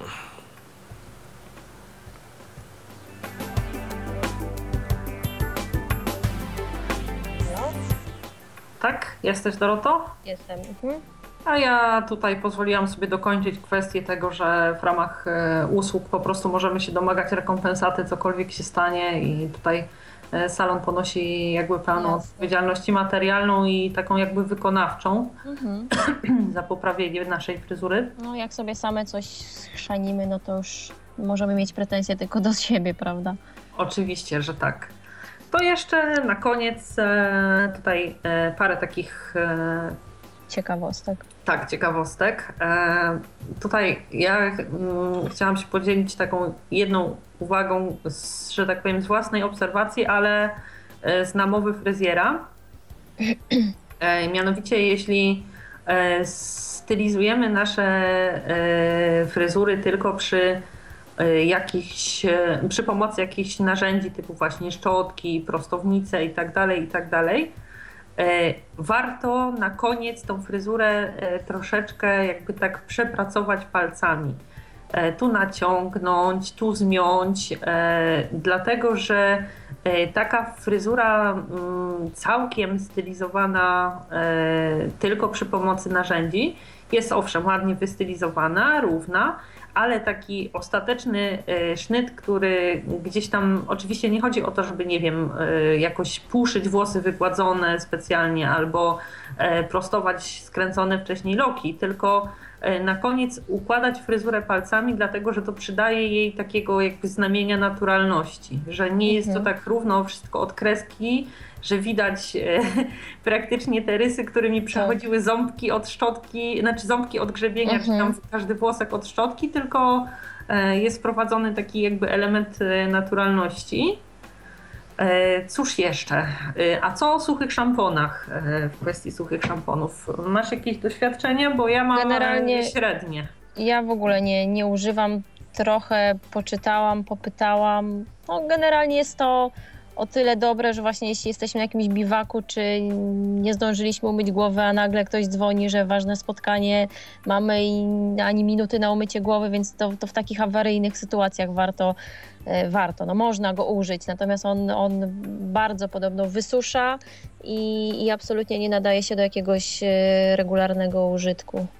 E, Ja no i też, wiadomo, m, może być problematyczny w nałożeniu. Myślę, że dla osób niewidomych y, on po prostu ma jakąś skrobię kukurydzianą z tego, co tam się zdążyłam zorientować na różnych forach i po prostu wchłania, prawda, nadmiar sebum i, i, i tych wszystkich jakichś tam preparatów, które wcześniej na głowę położyliśmy, typu właśnie jakieś woski, pianki i tak dalej. I to daje taki efekt, że przez chwilę te włosy wyglądają jako szronione. Później to można podobno jakoś e, grzebieniem wyszczotkować, ale obawiam się, że w przypadku osób niewidomych mogłoby to być stresujące czy i ryzykowne, czy, czy, czy faktycznie to zostało usunięte do końca, więc nie wiem, czy to tak jest do końca Jeszcze bezpieczne. Taką metodą, która daje też dobre rezultaty przy usuwaniu tego szamponu jest po prostu suszenie suszarką, tak. bo po prostu mm. ten ciąg z suszarki wy, wydmuchuje. wydmuchuje cały ten pył, natomiast mm. bardzo, że tak powiem, dużo uwagi muszą poświęcić E, wyczesywaniu tego szamponu osoby, które mają ciemne włosy, bo te szampony są po prostu jasne i jeśli komuś, kto ma jasne włosy, trochę tego szamponu zostanie, niewielka ilość, tak? Będzie e, nic się nie stanie, nie będzie to aż tak widoczne, natomiast jeśli ktoś ma bardzo ciemne włosy, to będzie miał tak jakby efekt takiego szeronu albo łupieżu, że będzie się po prostu białe sypało z głowy, więc mhm. to jest. Natomiast ma jedną zaletę, e, co któreś mycie mogą go stosować osoby e, z włosami z tendencją do przetłuszczania. Tak, bo on bardzo wysusza włosy i to mhm. w pewnych, e, to znaczy przy takim regularnym stosowaniu, aczkolwiek niezbyt częstym, mhm. żeby nie przesuszać nadmiernie skóry głowy, może przynieść dobre rezultaty. Tak, to właśnie z umiarem, prawda, od czasu do czasu. No, czasami I... to też tak jest, że prawda, jak coś chcemy tak koniecznie, prawda, wysuszyć przy, przy jakichś tam, nie wiem, łojotokach, to, to, to sebum jeszcze bardziej, prawda, yy, się, się te, te, te yy, jak to się nazywa teraz, no wiesz o co mi chodzi, te gruczoły zaczynają jeszcze bardziej pracować, pracować jeszcze większe jeszcze, wyrzuty jeszcze dają gorsze, tak, więc, więc właśnie to też, ale no właśnie, przynajmniej no, z raz w tygodniu myślę, że, że można zaryzykować. Jasne. Tylko mi się wydaje, że jakoś chyba lepiej, że tak powiem, żeby e, ktoś miał możliwość rzucić okiem, chociaż czy na pewno tak. udało się nam e, cały ten szampon wyczesać, po prostu pozbyć się go. Podobno e, jest tym, w pudrze też e, dostępny i tylko no ten to już w ogóle dla nas myślę, że raczej apokaliptyczne byłoby nakładanie jego, ale podobno, podobno też daje całkiem niezłe efekty. No czytałam też, że ludzie jakieś takie domowe stosują sposoby, tak, typu nie wiem, proszek do pieczenia, dokładnie, jakieś talki, no ale... Tak, dziecięce tak. zasypki i dokładnie. cóż to jeszcze było? Aha, chyba jakaś... Ja czytałam właśnie o proszku do pieczenia. Aha. Proszek to o tyle dobry, że też niechcianych zapachów się Tak, dokładnie, więc... niweluje. Aha. No tak, ale jednak ja jakoś jestem zwolenniczką. E, próbowałam chyba raz i jakoś e, tak czesałam i czesałam i cały czas miałam wrażenie, że ten szampon mam. Już nie widziałam, czy go mam, czy nie, ale mhm. w dotyku wydawało mi się, że ciągle, że jest i zmarnowałam jeszcze więcej czasu, bo i tak musiałam iść i umyć głowę, tak, tak więc Właśnie. no, także nie, nie, jednak ja... Tak, już myślę, że bym wolała umyć głowę i trudno nie układać, nie wiem, kucyk zrobić, cokolwiek, ale jakoś niekoniecznie chyba bym ryzykowała z szamponem suchym. To jeszcze o czesadełkach e, na koniec. E, czym hmm. czeszemy? No to właśnie, ja też tutaj naturalne włosie mam taką fryzjerską szczotkę z naturalnego włosia, też ma gdzie niegdzie właśnie takie silikonowe ząbki i ona super rozczesuje, bo właśnie jak już wcześniej mówiłam, bardzo plątliwe te włosy i na mokro nią rozczesuje. Kiedyś to robiłam grzebieniem, to był naprawdę, no to, to, to, było, to był dramat jeden wielki po prostu. Dużo tych włosów wyrywałam przy okazji, szlak mnie jasny trafiał, a teraz właśnie elegancko się rozczesują z pomocą tej, tej szczotki i, i na sucho, i na mokro nią czeszę. E, a potem właśnie jak już do układania, no to mam tą ten taki wałek, prawda, o którym już mówiłyśmy wcześniej, z tego, e, z włosów dzika, z sierści dzika, a ta też wydaje mi się, że, że jest czegoś podobnego, bo też jest taka dość w dotyku sztywna, ale, ale właśnie genialnie, genialnie rozczesuje, nie elektryzuje tych włosów, e, jest, jest idealna. A ja z kolei e, czeszę grzebieniami, natomiast takimi, które mają w ogóle nieelastyczne takie są w ogóle nieelastyczne, po prostu absolutnie całkiem twarde, sztywne i tak mhm. dalej, tylko mają grube e, grube zęby i bardzo dobrze się rozczesuje, nawet jeśli się e, plącze, plączą końcówki, to e, akurat e, te zęby są grube, ale one są bardzo gładkie, są tak Mhm. profilowane właśnie, że nie trą tak bardzo o włosy i, i wygodnie się rozczesuje nawet przy, przy mokrych, e, Mhm. przy mokrych włosach, więc e, tutaj ja jak e, rozczesywałam szczotkami, akurat nigdy nie miałam e, takiej, o jakiej ty mówisz. Może taka by też dawała dobre rezultaty w moim przypadku, ale e, że tak powiem, zanim przeszłam na grzebienie, nigdzie nie widziałam takich szczotek stricte do czesania włosów, Mhm. żeby też były z włosiem, więc już zostałam przy tych grzebieniach. E, Aczkolwiek tutaj e, po sugestii postaram się poszukać sobie czegoś takiego i też wypróbować, bo szczotkowanie włosów jest o tyle fajne, że jest po prostu bardziej wydajne, tak? E, Więcej jest tych włosków, one pracują i większa Tak, powierzchnia jest czesana. Mhm. No ale póki co to właśnie jestem z tych grzebieni bardziej zadowolona niż byłam z tych szczotek, które były wcześniej dostępne. Mhm. E, Dlatego, że chociaż one miały takie ząbki zginające się i tak dalej, e, to mimo to bardzo mi włosy puszyły i elektryzowały się od, od e, czesania Mhm. właśnie tymi, tymi szczotkami. No i ostatnią e, taką kwestią, aha, jeszcze jedna rzecz, która cały czas mi chodzi po głowie i o której e, zapominam, e, to jest kwestia taka, że mm, musimy, to znaczy ja z tego korzystam po prostu zawsze. Mam takich kilka takich fartuszków, troszeczkę krótszych Mhm. niż te, które są nakładane u fryzjera, dlatego że niestety nie widząc jak czeszę włosy, rozczesuję albo robię jakąś fryzurę, e, nie jestem w stanie kontrolować tego, czy mi te włosy albo z końcówek jakieś strzępy, które w trakcie czesania się odrywają, e, nie zostają na ubraniu. Więc jeśli Mhm. już jestem ubrana tak, jak mam wyjść, albo tak, jak mam, nie wiem, przyjmować gości czy cokolwiek innego, to zawsze nakładam ten fartuszek, dlatego że po prostu no, nie widzę, jak to są jakieś maleńkie strzępki końcówki, z końcówki włosa, które się oderwały. Nie będę w stanie ich zobaczyć. Jasne.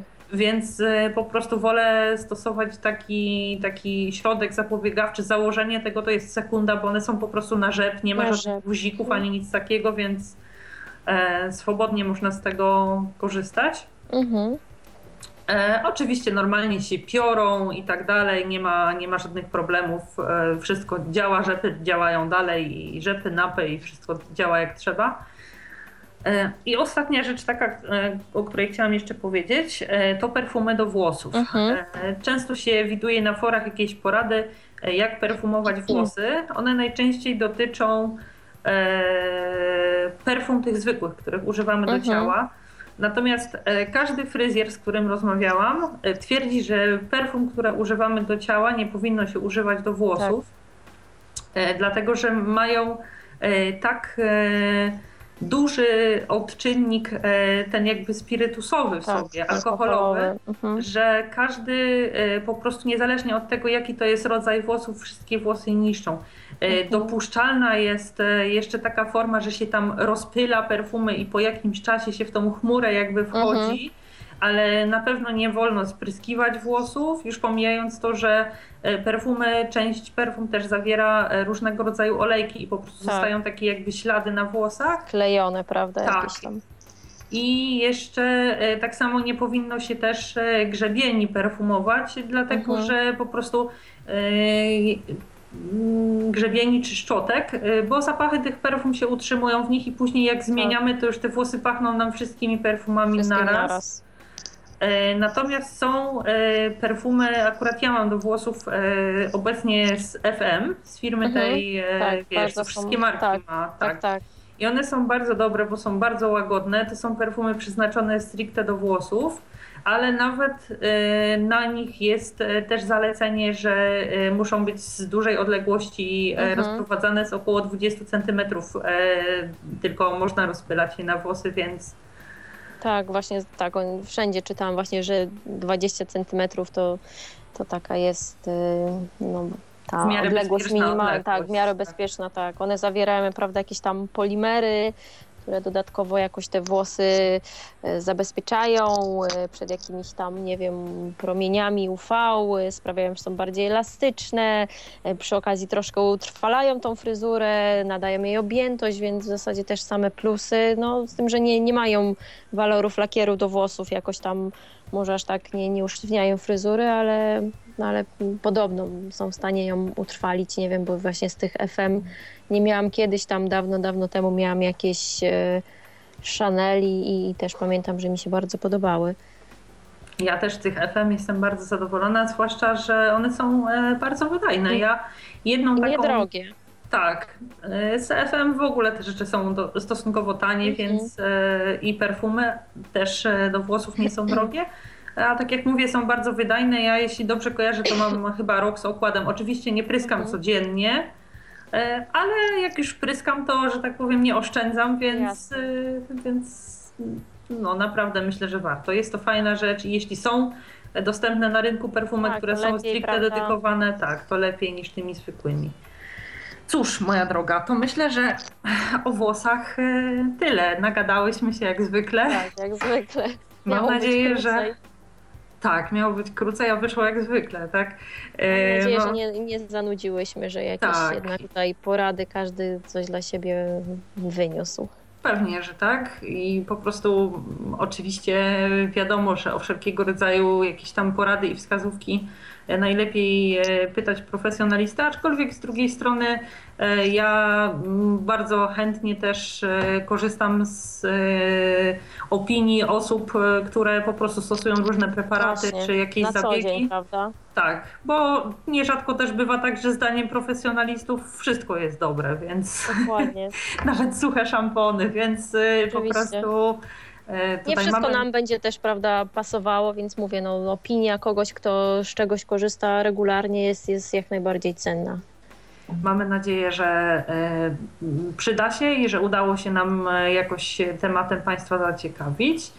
A moim i Państwa gościem była dziś Dorota Ziętal. Dziękuję Ci bardzo, Dorotko. Dziękuję, bardzo mi miło było.